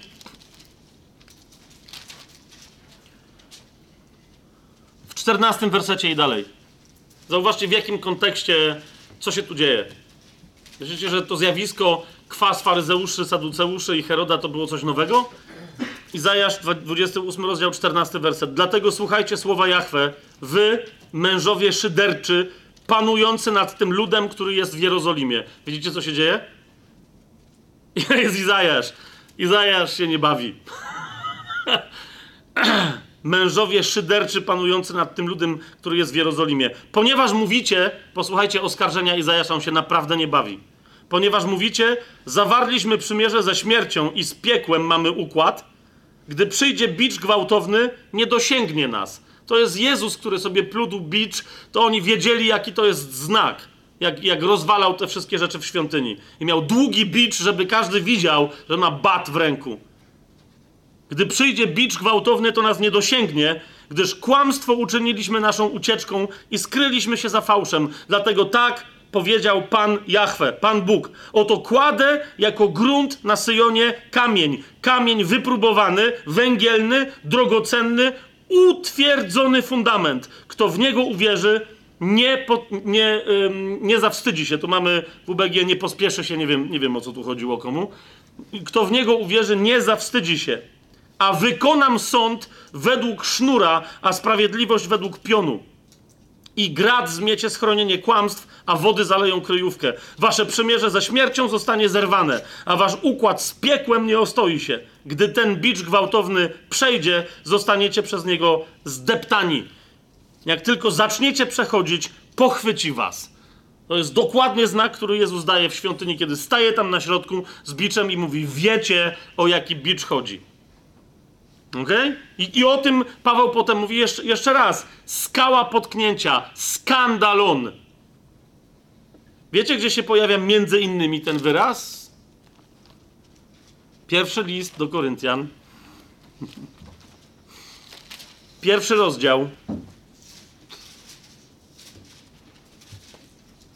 22 werset i dalej. Żydzi domagają się znaków, a Grecy szukają mądrości. My zaś głosimy Chrystusa ukrzyżowanego, który dla Żydów wprawdzie jest skandalon, a dla Greków głupstwem, ale dla tych, którzy są powołani zarówno dla Żydów, jak i Greków, głosimy Chrystusa, moc Bożą i mądrość Bożą. Więc jeszcze raz, widzicie, zrobiłem bas. Ile? Dwie i pół godziny gadam na ten temat? Ale bardzo potrzebowaliśmy. Rozumiecie, Paweł tu mówi tylko dwie rzeczy. Żydzi szukają znaków i dlatego krzyż dla nich jest skandalonem, jest, jest, skał, jest kamieniem zgorszenia, jest skałą potknięcia. I teraz my mówimy, okej, okay, tu wiemy o co chodzi to rozumiecie, to jest tak szeroki zasięg. I on mówi, to jest jeden z aspektów, ja dlatego przywołuję krzyż i przywołuję Chrystusa ukrzyżowanego, ponieważ wasza postawa w części, poza tą, która jest grecka, wasza postawa jest w drugiej części nie grecka, tylko żydowska i jesteście winni wszystkiego, co Jezus nazwał zakwasem faryzeuszy, saduceuszy i Heroda. Pamiętajcie, że jeżeli wchodzicie w tamtą stronę, to niezależnie od tego, że jesteście zbawieni przez śmierć i zmartwychwstanie Chrystusa, przez Jego krzyż, przez Jego przejście przez piekło i podniesienie do chwały i mocy Bożej i nadanie Mu imienia ponad wszelkie inne imię, to kiedy żyjecie dzisiaj, zapominając o tym, czym jest krzyż, to krzyż dzisiaj dla was też, tak jak dla Żydów, jak zaczynacie być faryzejscy i wdajecie się w ten kwas, stanie się dla was dzisiaj kamieniem potknięcia. I dlatego do Koryntian między innymi Paweł mówi tak wyraźnie, ten kto stoi niech baczy, albo kto idzie niech baczy, żeby nie upadł. Albo czy już nie upadł. Pamiętacie to słowo? On mówi dokładnie o tym, jak może upaść ktoś, kto żyje przez moc Chrystusa. Kto na powrót zacznie sobie z, yy, yy, zacznie sobie z mocy Bożej robić śmich, śmichy, chichy, szukając swojej władzy nad innymi, szukając swojego interesu. Wtedy dla niego krzyż stanie się skandalem, stanie, stanie się przyczyną upadku. Właśnie krzyż. Nic innego. To, co jest źródłem naszej mocy, yy, może się okazać przyczyną, yy, przyczyną naszej słabości. Która jest godzina? Żeby, ile jeszcze możemy? Możemy jeszcze 45-40 Okej, okay, dobra, bez przesady, że 45 minut. Ale szybciutko podejdziemy tylko do, drugiego, do drugiej kwestii, żeby już dzisiaj to skończyć, żebyśmy mogli wreszcie krzyżem się zająć. Następnym razem to jest postawa grecka. Postawę grecką e, skomentowałbym, czy nazwałbym, czy podsumowałbym, czy zdefiniowałbym jednym wyrazem, mianowicie gnosis. Gnosis, czyli gnoza, czyli poznanie. Paweł, e, jak mówi o Żydach, że oni domagają się znaków, z całym tym bagażem tego ich fałszywego domagania się fałszywych znaków i fałszywym podejściem do tej historii, mówi: Grecy domagają się czego? Oni szukają mądrości. Tak? I, i, I ewidentnie Koryntianie reprezentują tego rodzaju e, postawę mądrości, która przychodzi z jakimś objawieniem, które jest niepotwierdzone słowem. E, z jakimś objawieniem, które rzekomo wynika z ducha. Ktoś miał duchowe objawienie. Ktoś coś czytał pismo i połapał jakieś wątki i mówi: Nikt tego do tej pory nie widział, ale ja to widzę, i tak dalej, i tak dalej. E, z czego później swoją drogą wyrodziła się rzeczywiście gnoza I jeszcze pisząc do Koryntian, Paweł e, e, jeszcze nie było takiego problemu, jak później, kiedy już pisał do Tymoteusza. Tak? W pierwszym liście do Tymoteusza, w szóstym rozdziale, wręcz wprost Paweł mówi na ten temat, to jest pierwszy do Tymoteusza 6, 20-21. Mówi Tymoteuszu, strzeż tego, co ci powierzono, unikaj pospolitej czczej gadaniny, to jest z jednej strony, a z drugiej strony zauważcie, i sprzecznych twierdzeń rzekomej wiedzy, gnozis, którą się niektórzy szczycąc pobłądzili w wierze. Zaledwie 30-40 lat po tym, jak Paweł napisał te słowa do Tymoteusza, e, postawy pseudo-objawienia e, i herezje w związku z tym gnostyckie tak się namnożyły, że uczeń Polikarpa, który był uczniem Jana Ewangelisty, ale uczeń Polikarpa, który znał jeszcze z widzenia nawet Jana Ewangelistę, czyli Ireneusz z Lyonu, napisał księgę, znaczy w zasadzie nie jedną, tylko pięć ksiąg, skierowaną zasadniczo tylko i wyłącznie przeciwko gnostykom. Ok? Ja ją mam tu dzisiaj przy sobie, bo wyszła po polsku. Co prawda w tłumaczeniu y, katolickim i tu w wielu miejscach są dziwne historie z tego tłumaczenia wynikają, więc jakbyście chcieli to czytać, to uważajcie, ale chodzi mi o to, że zobaczcie, na, co się tu dzieje, tak? Z pięć ksiąg Adversus Herezes Ireneusza z Lyonu, e, czyli w tym wydaniu takie, wiecie, zobaczcie jaka jest duża ta książka, tak? E, I tutaj tych stron jest e, ponad pół tysiąca. Okay? Tylko i wyłącznie Ireneusz pisze przeciwko namnożonym bzdurom gnostyckim Okay? Odwołuje się zasadniczo tylko i prawie tylko i wyłącznie do, chrześcijań, do, do pseudochrześcijańskich, e, gnostyckich form herezji. E, jak e, zapytacie, okej, okay, no ale to są, bo większość z nich to są rzeczywiście starodawne rzeczy, tak? I niektórzy mi mówią, no ale po co to czytać, to było dawno, jak to nas dzisiaj e, dotyka? Na przykład od jakichś trzech lat regularnie zgłaszają się do mnie ludzie z pytaniem, jak w ogóle walczyć, jak w ogóle w sobie najpierw rozważyć wątek, bo podnoszą się jacyś ludzie, pojawiają się w zborach, pojawiają się w kościołach yy, i przynoszą jakąś naukę, yy, że jest dwóch bogów. I że Bóg Starego Testamentu to nie jest ojciec Pana Jezusa i to nie jest Bóg Nowego Testamentu. I dlatego oni nie wierzą w Stary Testament, wierzą tylko w Nowy. I zaczynają się jakieś dziwaczne historie. Ktoś z was słyszał o, o tej, że Bóg Starego Testamentu jest zły, a ten jest dobry. Kto, kto z was o tym... Y, o, okej. Okay. No to prawie wszyscy. Teraz rozumiecie? Ireneusz tutaj jedną całą księgę, jakieś 40 rozdziałów, poświęca dokładnie tej herezji. Myślicie, że to ktoś coś nowego wymyślił? Dlatego jak ja pierwszy raz o tym usłyszałem, to się zaśmiałem i mówię, o, Marcjon zmartwychwstał w jakimś szaleństwie. Bo to jest stara marcjońska, y, gnostycka herezja. Y, I między innymi y, Ireneusz pokazuje, że już w II wieku chrześcijanie, mając ten problem, szybciutko sobie z nim poradzili. Wystarczy po prostu Biblię znać. Tak? I, to, I to jest po temacie. I większość tam tych argumentów bzdurnych, które padają, dosyć łatwo obalić. Tak? Ale no, widzicie, że nawet te oryginalne herezje, yy, i, tu jest ich więcej, one dzisiaj wracają w takiej czy innej formie, że ktoś nagle doznał objawienia, które co interesujące, wygląda dokładnie jak pseudo-objawienie Marcjona, na przykład, tak? Więc, więc, yy, więc to nie jest tak, że to jest przebrzmiały temat. Im bliżej jesteśmy końca czasów, tym mam wrażenie więcej tych starych yy, yy, herezji wróci. W pierwszym Piotra na takie zjawisko Piotr powiada, jest pierwszy rozdział, yy, to jest drugi Piotra. Pierwszy rozdział, szesnasty werset. Yy, Piotr bardzo szybko odpowiada, mówi: Jasne, że wiele przychodzi z prywatnego objawienia. My jesteśmy świadkami zdumiewających objawień, bo Pan Jezus nam dawał objawienia, ale, znaczy drugi list Piotra, pierwszy rozdział, szesnasty werset i dalej. Piotr mówi: Daliśmy wam poznać moc i przyjście naszego Pana Jezusa Chrystusa, nie podążając za zręcznie wymyślonymi baśniami, ale jako naoczni świadkowie Jego wielkości. Otrzymał on bowiem od Boga Ojca cześć i chwałę, gdy doszedł go taki głos od wspaniałej chwały. To jest mój umiłowany syn, w którym mam upodobanie.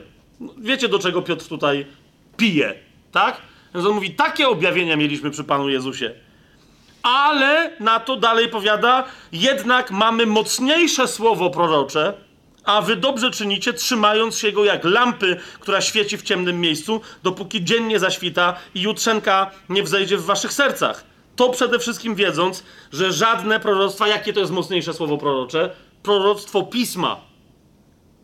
To przede wszystkim wiedząc, że żadne proroctwo pisma nie podlega własnemu wykładowi.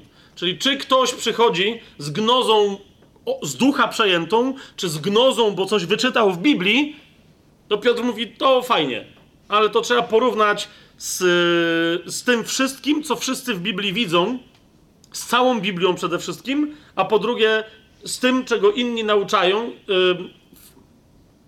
w jedności ciała Chrystusa. Nie z ludzkiej bowiem woli przeniesione zostało kiedyś proroctwo, ale święci Boży ludzie przemawiali, prowadzeni przez Ducha Świętego. Interesujące, bo w tym samym liście Piotr daje zadziwiające świadectwo Pawłowi, który już zdążył nagadać na Piotra, na przykład w liście do Galacjan, że musiał Piotra upomnieć, bo był sam hipokrytą. Pamiętacie to?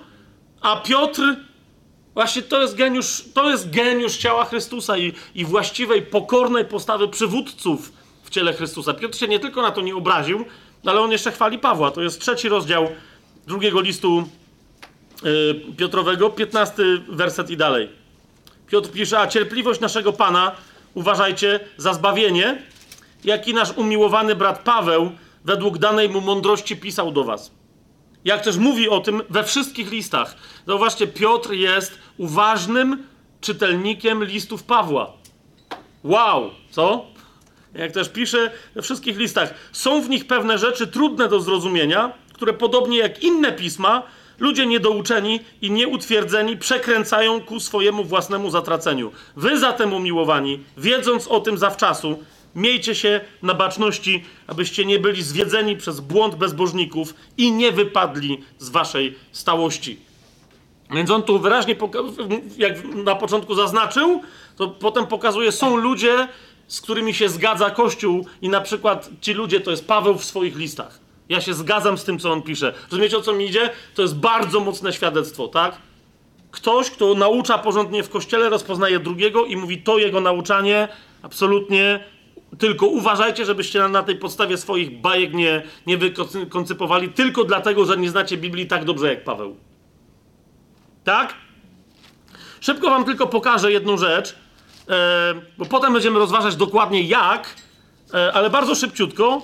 Zauważcie, że Paweł, Koryntian, za tą ich greckość, za tą ich heleńskość, za tą ich tendencję do, do, do gnozy, jeszcze nie rozwiniętą, tak? Ale jak Paweł punktuje, to jest jeden z kręgosłupów, znaczy w zasadzie, jeżeli nie w ogóle, krę, kręgosłupem jest, jest, jest krzyż Chrystusa, o tym, do tego jeszcze dojdziemy, tak? Ale głównie w kontekście postawy greckiej, Cały czas Paweł punktuje Koryntian, mówi: non-stop się popisujecie, że macie wiedzę. Non-stop się wywyższacie, pysznicie i ta pycha w was aż wrze, że macie poznanie, że macie mądrość, ale jej nie macie. Pierwszy do Koryntian, pierwszy rozdział. Nie, no tu już byliśmy. Drugi rozdział. szósty werset do ósmego. My głosimy jednak mądrość wśród doskonałych, mówi Paweł, a tu należałoby przetłumaczyć ten wyraz wśród dojrzałych. E, a potem za, za, zauważa, że no a wy, Koryntianie, jeszcze jesteście infantylni. Ale mówi, my głosimy mądrość wśród dojrzałych, ale nie mądrość tego świata, ani władców tego świata, którzy przemijają. Ósmy werset. Gdyby ją bowiem poznali, nigdy nie ukrzyżowaliby yy, Pana chwały. Czternasty werset. Cielesny człowiek nie pojmuje tych rzeczy, które są ducha Bożego. Są bowiem dla niego głupotą i nie może ich poznać, ponieważ te rzeczy rozsądza się duchowo.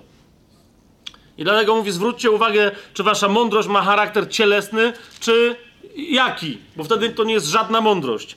Trzeci rozdział. Ja tylko pokazuję dosłownie, wyrywam teraz y, po kolei takie pierwsze, które nam tu wpadają, tak? Trzeci rozdział, osiemnasty werset i dalej. Niech nikt nie oszukuje samego siebie.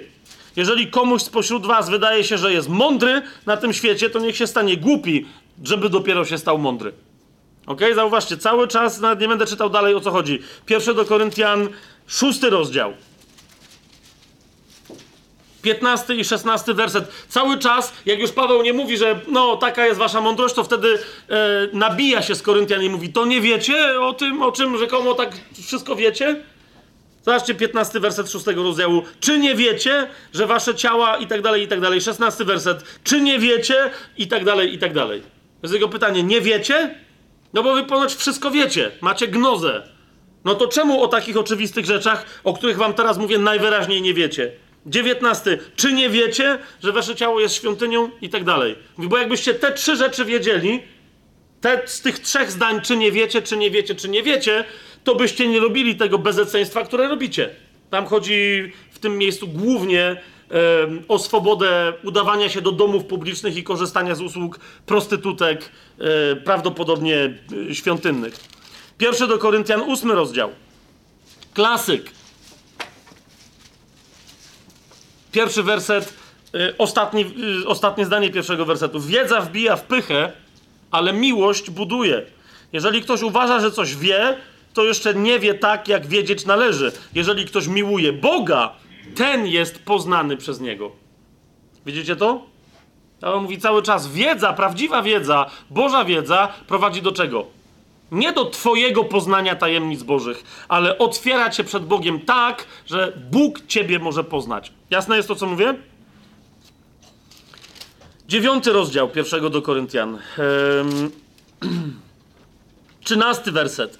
Czy nie wiecie, że ci, którzy służą i tak dalej, i, i tak dalej. Dziesiąty rozdział.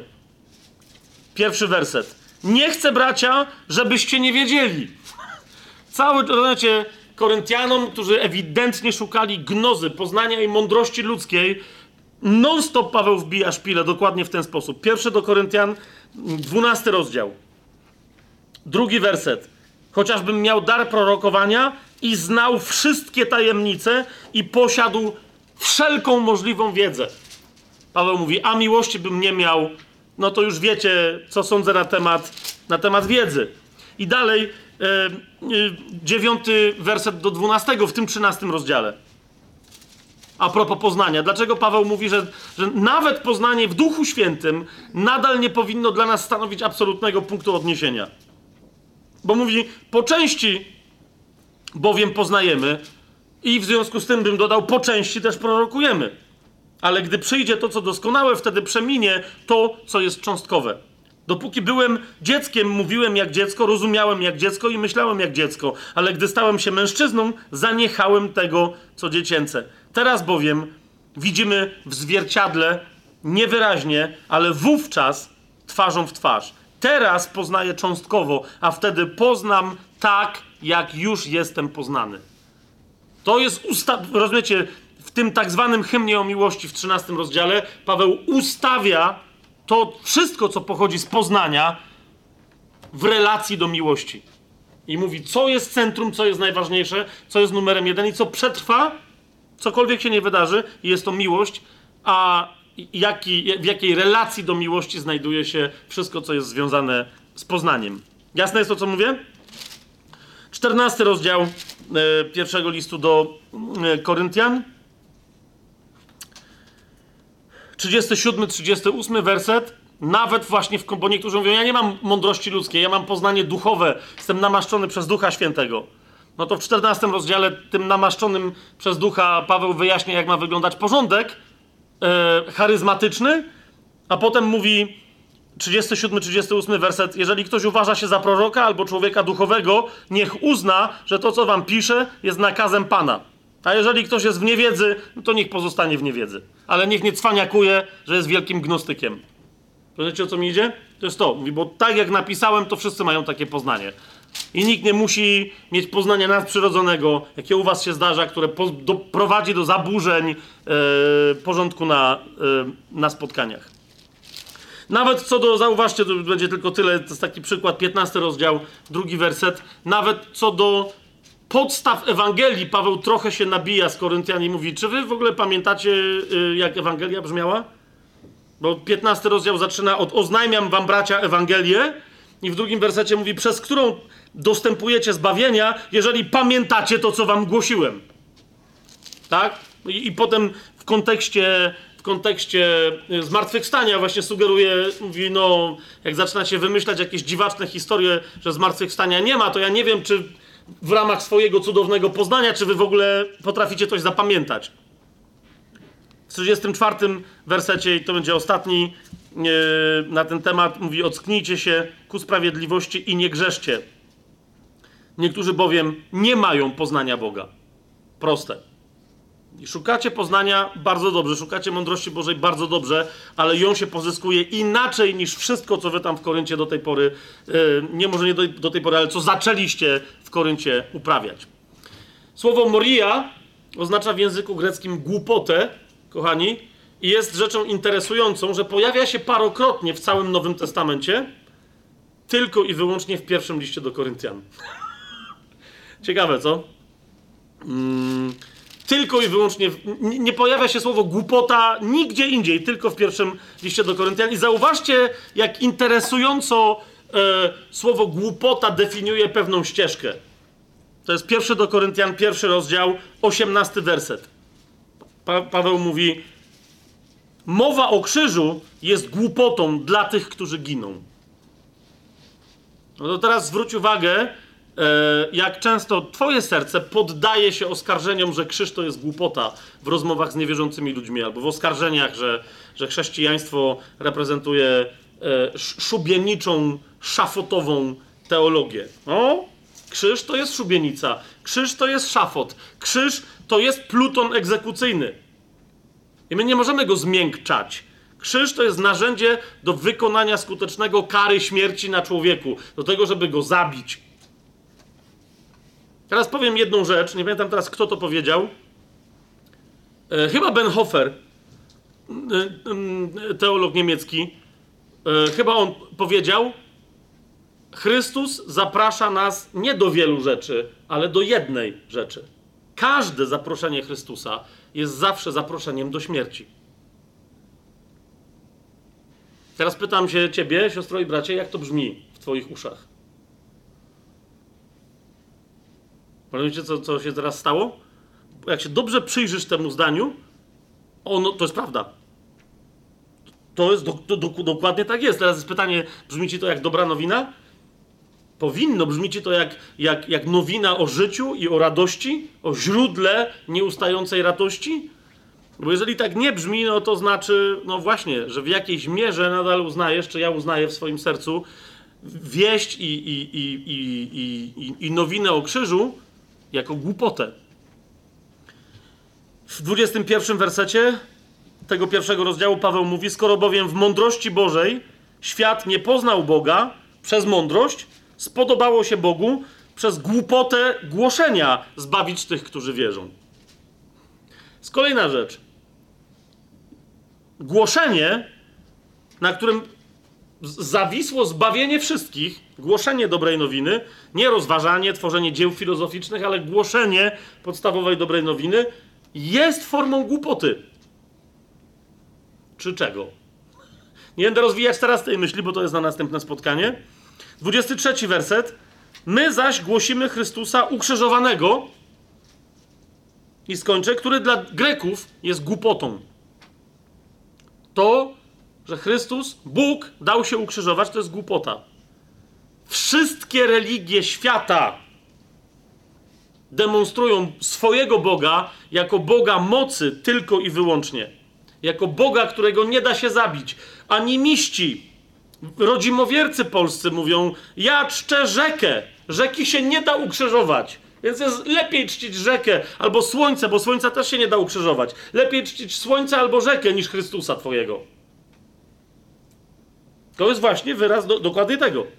Dla Greków Chrystus ukrzyżowany jest głupotą. Drugi rozdział, czternasty werset. Cielesny człowiek nie pojmuje tych rzeczy, które są z Ducha Bożego, są bowiem dla niego głupotą. kolejny raz, kiedy pojawia się wyraz Moria i ostatni raz, kiedy się pojawia ten wyraz w Biblii i w pierwszym liście do Koryntian, to jest trzeci rozdział, dziewiętnasty werset. Mądrość bowiem tego świata u Boga jest głupotą.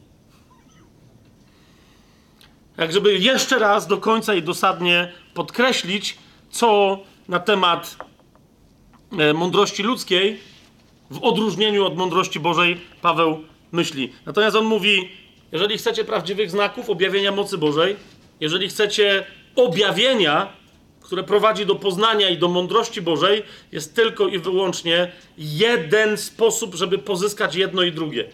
Jest tylko i wyłącznie jeden punkt odniesienia. Jest tylko i wyłącznie jedna droga. Mówi, to jest krzyż, a na tym krzyżu baranek zabity.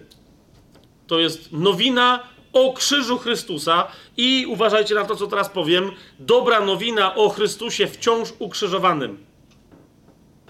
Ja teraz powiecie, zaraz, zaraz, przecież Paweł w pierwszym liście do Koryntian wyraźnie mówi, że zmartwychwstanie. Jeżeli nie ma zmartwychwstania, ja nie o tym mówię. Ja mówię o tym, że zmartwychwstałym będąc, baranek nadal pozostaje jakby zabity. Rozumiecie, co mówię? W Księdze Objawienia baranek się pojawia nadal jako jakby zabity. Nie chodzi o to, że on wisi dalej na krzyżu i tam cierpi i jest ukrzyżowany, ale to, co zademonstrował, będąc ukrzyżowanym, jest nadal obowiązującą nas nie figurą retoryczną, nie symbolem, ale postawą. Co więcej, ta postawa w pewnym sensie będzie się nas tyczyć na wieki. Dlaczego? Ponieważ Chrystus z wcale nie takiego znowu tajemniczego powodu, zmartwychwstając, postanowił zachować znaki swojej hańby. Znaki ukrzyżowania. W ciele zmartwychwstałym, które już nie podlega śmierci, bo on zmartwychwstał i żyje, i śmierć nie ma nad nim żadnej już władzy, jak mówi pismo. Amen? Amen. On w tym ciele staje przed Tomaszem i mówi: To zobacz w takim razie rany na moich rękach, na moich nogach i w moim boku. I zobacz, że to ja jestem. Dotknij, włóż tam palec. On nawet, nie, on nawet tego nie robi, bo, bo widzi, wie, poznaje. Otwierają mu się oczy. A Jezus mówi: Błogosławieni, którzy nie widzieli, a uwierzyli. W kogo? W baranka zabitego, który jest jakby zabity, ale zmartwychwstał i żyje. I którzy z tego. Teraz widzicie, Paweł mówi: My mamy moc od Chrystusa zmartwychwstałego. Żeby co? Żeby żyć jak baranek zabity. Dopóki my nie zmartwychwstaniemy w ciałach. Mówi, to jest jeden, jedyny punkt odniesienia. Dlatego na koniec, na zachętę, ponieważ my się zajmiemy prawdą, poznaniem prawdy, demonstracją prawdy w swoim życiu, kryterium prawdy, jedynym kryterium, tym, które Paweł w pierwszym liście do Koryntian tak nazywa, to jest pierwszy rozdział pierwszego listu do Koryntian.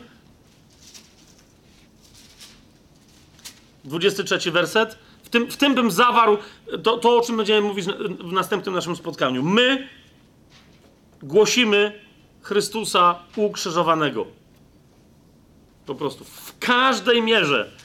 Jeszcze raz, rozumiecie, to jest, to jest, jak potem Paweł w 11 rozdziale mówi o wieczerzy, on mówi, że za każdym razem, jak my się na wieczerzy spodziewamy, spotykamy, łamiemy się chlebem, pijemy z kielicha Nowego Przymierza. On, on mówi, my za każdym razem wtedy głosimy Jego śmierć. Póki nie przyjdzie. Wiecie, to, to jest po prostu, to jest coś, mm, y, to jest książka, o której powiem więcej następnym razem. To jest książka Johna Stota, Krzyż Chrystusa. Absolutny klasyk, ale na razie nie będę teraz y, nic więcej mówił na, na jej temat. Yy, bo z niej w, następnym razem coś przeczytam, ale tu chcę przeczytać rozumiecie, o, jakiej, o jakim bo centralnym punkcie mówimy. Bo dopiero jak ten punkt zrozumiemy, to dopiero wtedy naprawdę z łatwością tak, tak będziemy czytać pierwsze do Koryntian. To jest krzyż Chrystusa i na tym krzyżu Chrystus ukrzyżowany. Otóż w tej książce Stott y, cytuję y, y, Luta, teologa, nie, nie będę teraz mówił, nie mamy czasu, y, który powiada tak. Ten, kto właściwie rozumie krzyż, rozumie Biblię i rozumie Jezusa Chrystusa. Jest to znane powiedzenie Hieronima, kto nie zna Biblii, ten nie zna Chrystusa.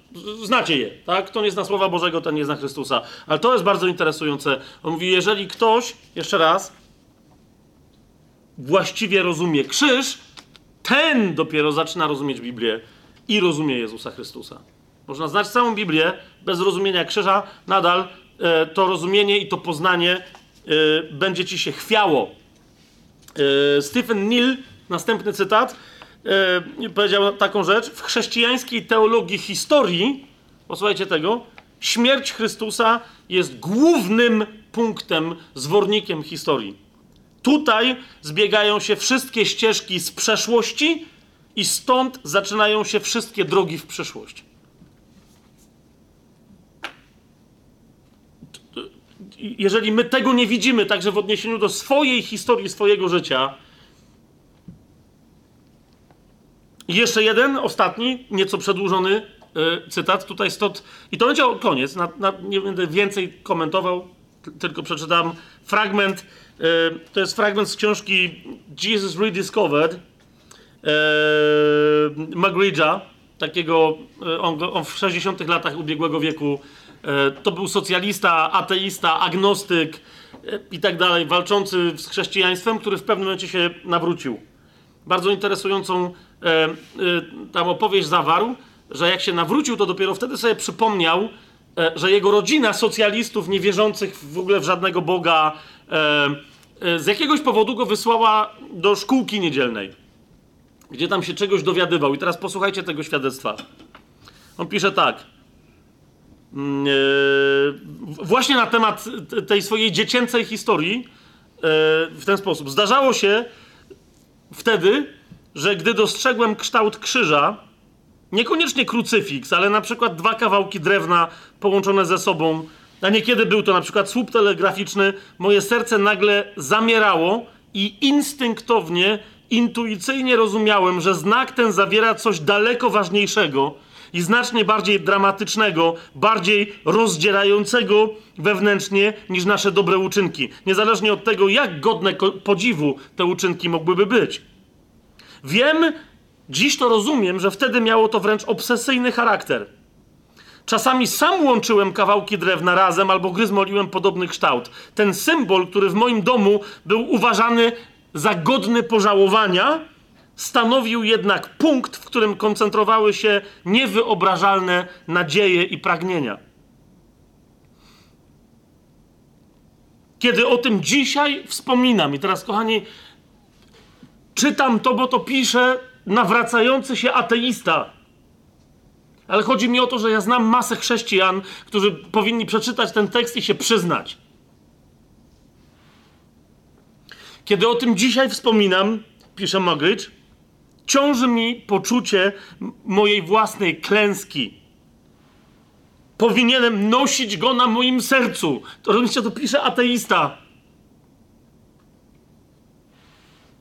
Zawsze mieć ze sobą krzyż jako najcenniejszą normę życia. On, mu nie chodzi o drewniany krzyżyk. Zawsze mieć ze sobą krzyż jako najcenniejszą normę życia, której nikt nie mógłby wydrzeć z moich rąk. Nawet gdybym upadł, mógłbym trzymać krzyż w górze. Powinien być moim uwielbieniem, moją szatą, moim językiem i moim życiem.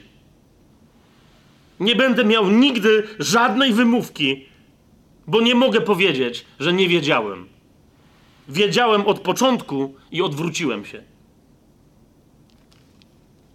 Teraz Magritte się nawrócił i według mnie nawrócił się jak wciąż my Wciąż potrzebujemy się nawracać. I wielu chrześcijan potrzebuje, być może pierwszy raz w życiu, przy, wszystkich historiach o tym, jak to chrześcijaństwo zapewnia tylko błogosławieństwo i rozwój osobisty i sukces w życiu, czas najwyższy nawrócić się tak jak ten człowiek sobie przypomniał, że kiedyś krzyż został mu objawiony i powinien być centralną wartością wszystkiego w jego życiu. Wobec tych wszystkich herezji, o których dzisiaj mówiliśmy, i tych postaw heretyckich, nie właściwe rozumienie, nie rozumienie, że to są herezje, ale właśnie krzyż w centrum, w sercu, w samym środku mojego życia, każdej mojej postawy, jest jedyną, ale skuteczną szczepionką przeciwko wszelkiej herezji, wszelkiemu podziałowi w ciele. Jeżeli to zabrzmiało teraz mocno, to sobie wyobraźcie, co się będzie działo następnym razem, jak będziemy tylko i wyłącznie o tym mówić. Dzięki. Tak, dzięki.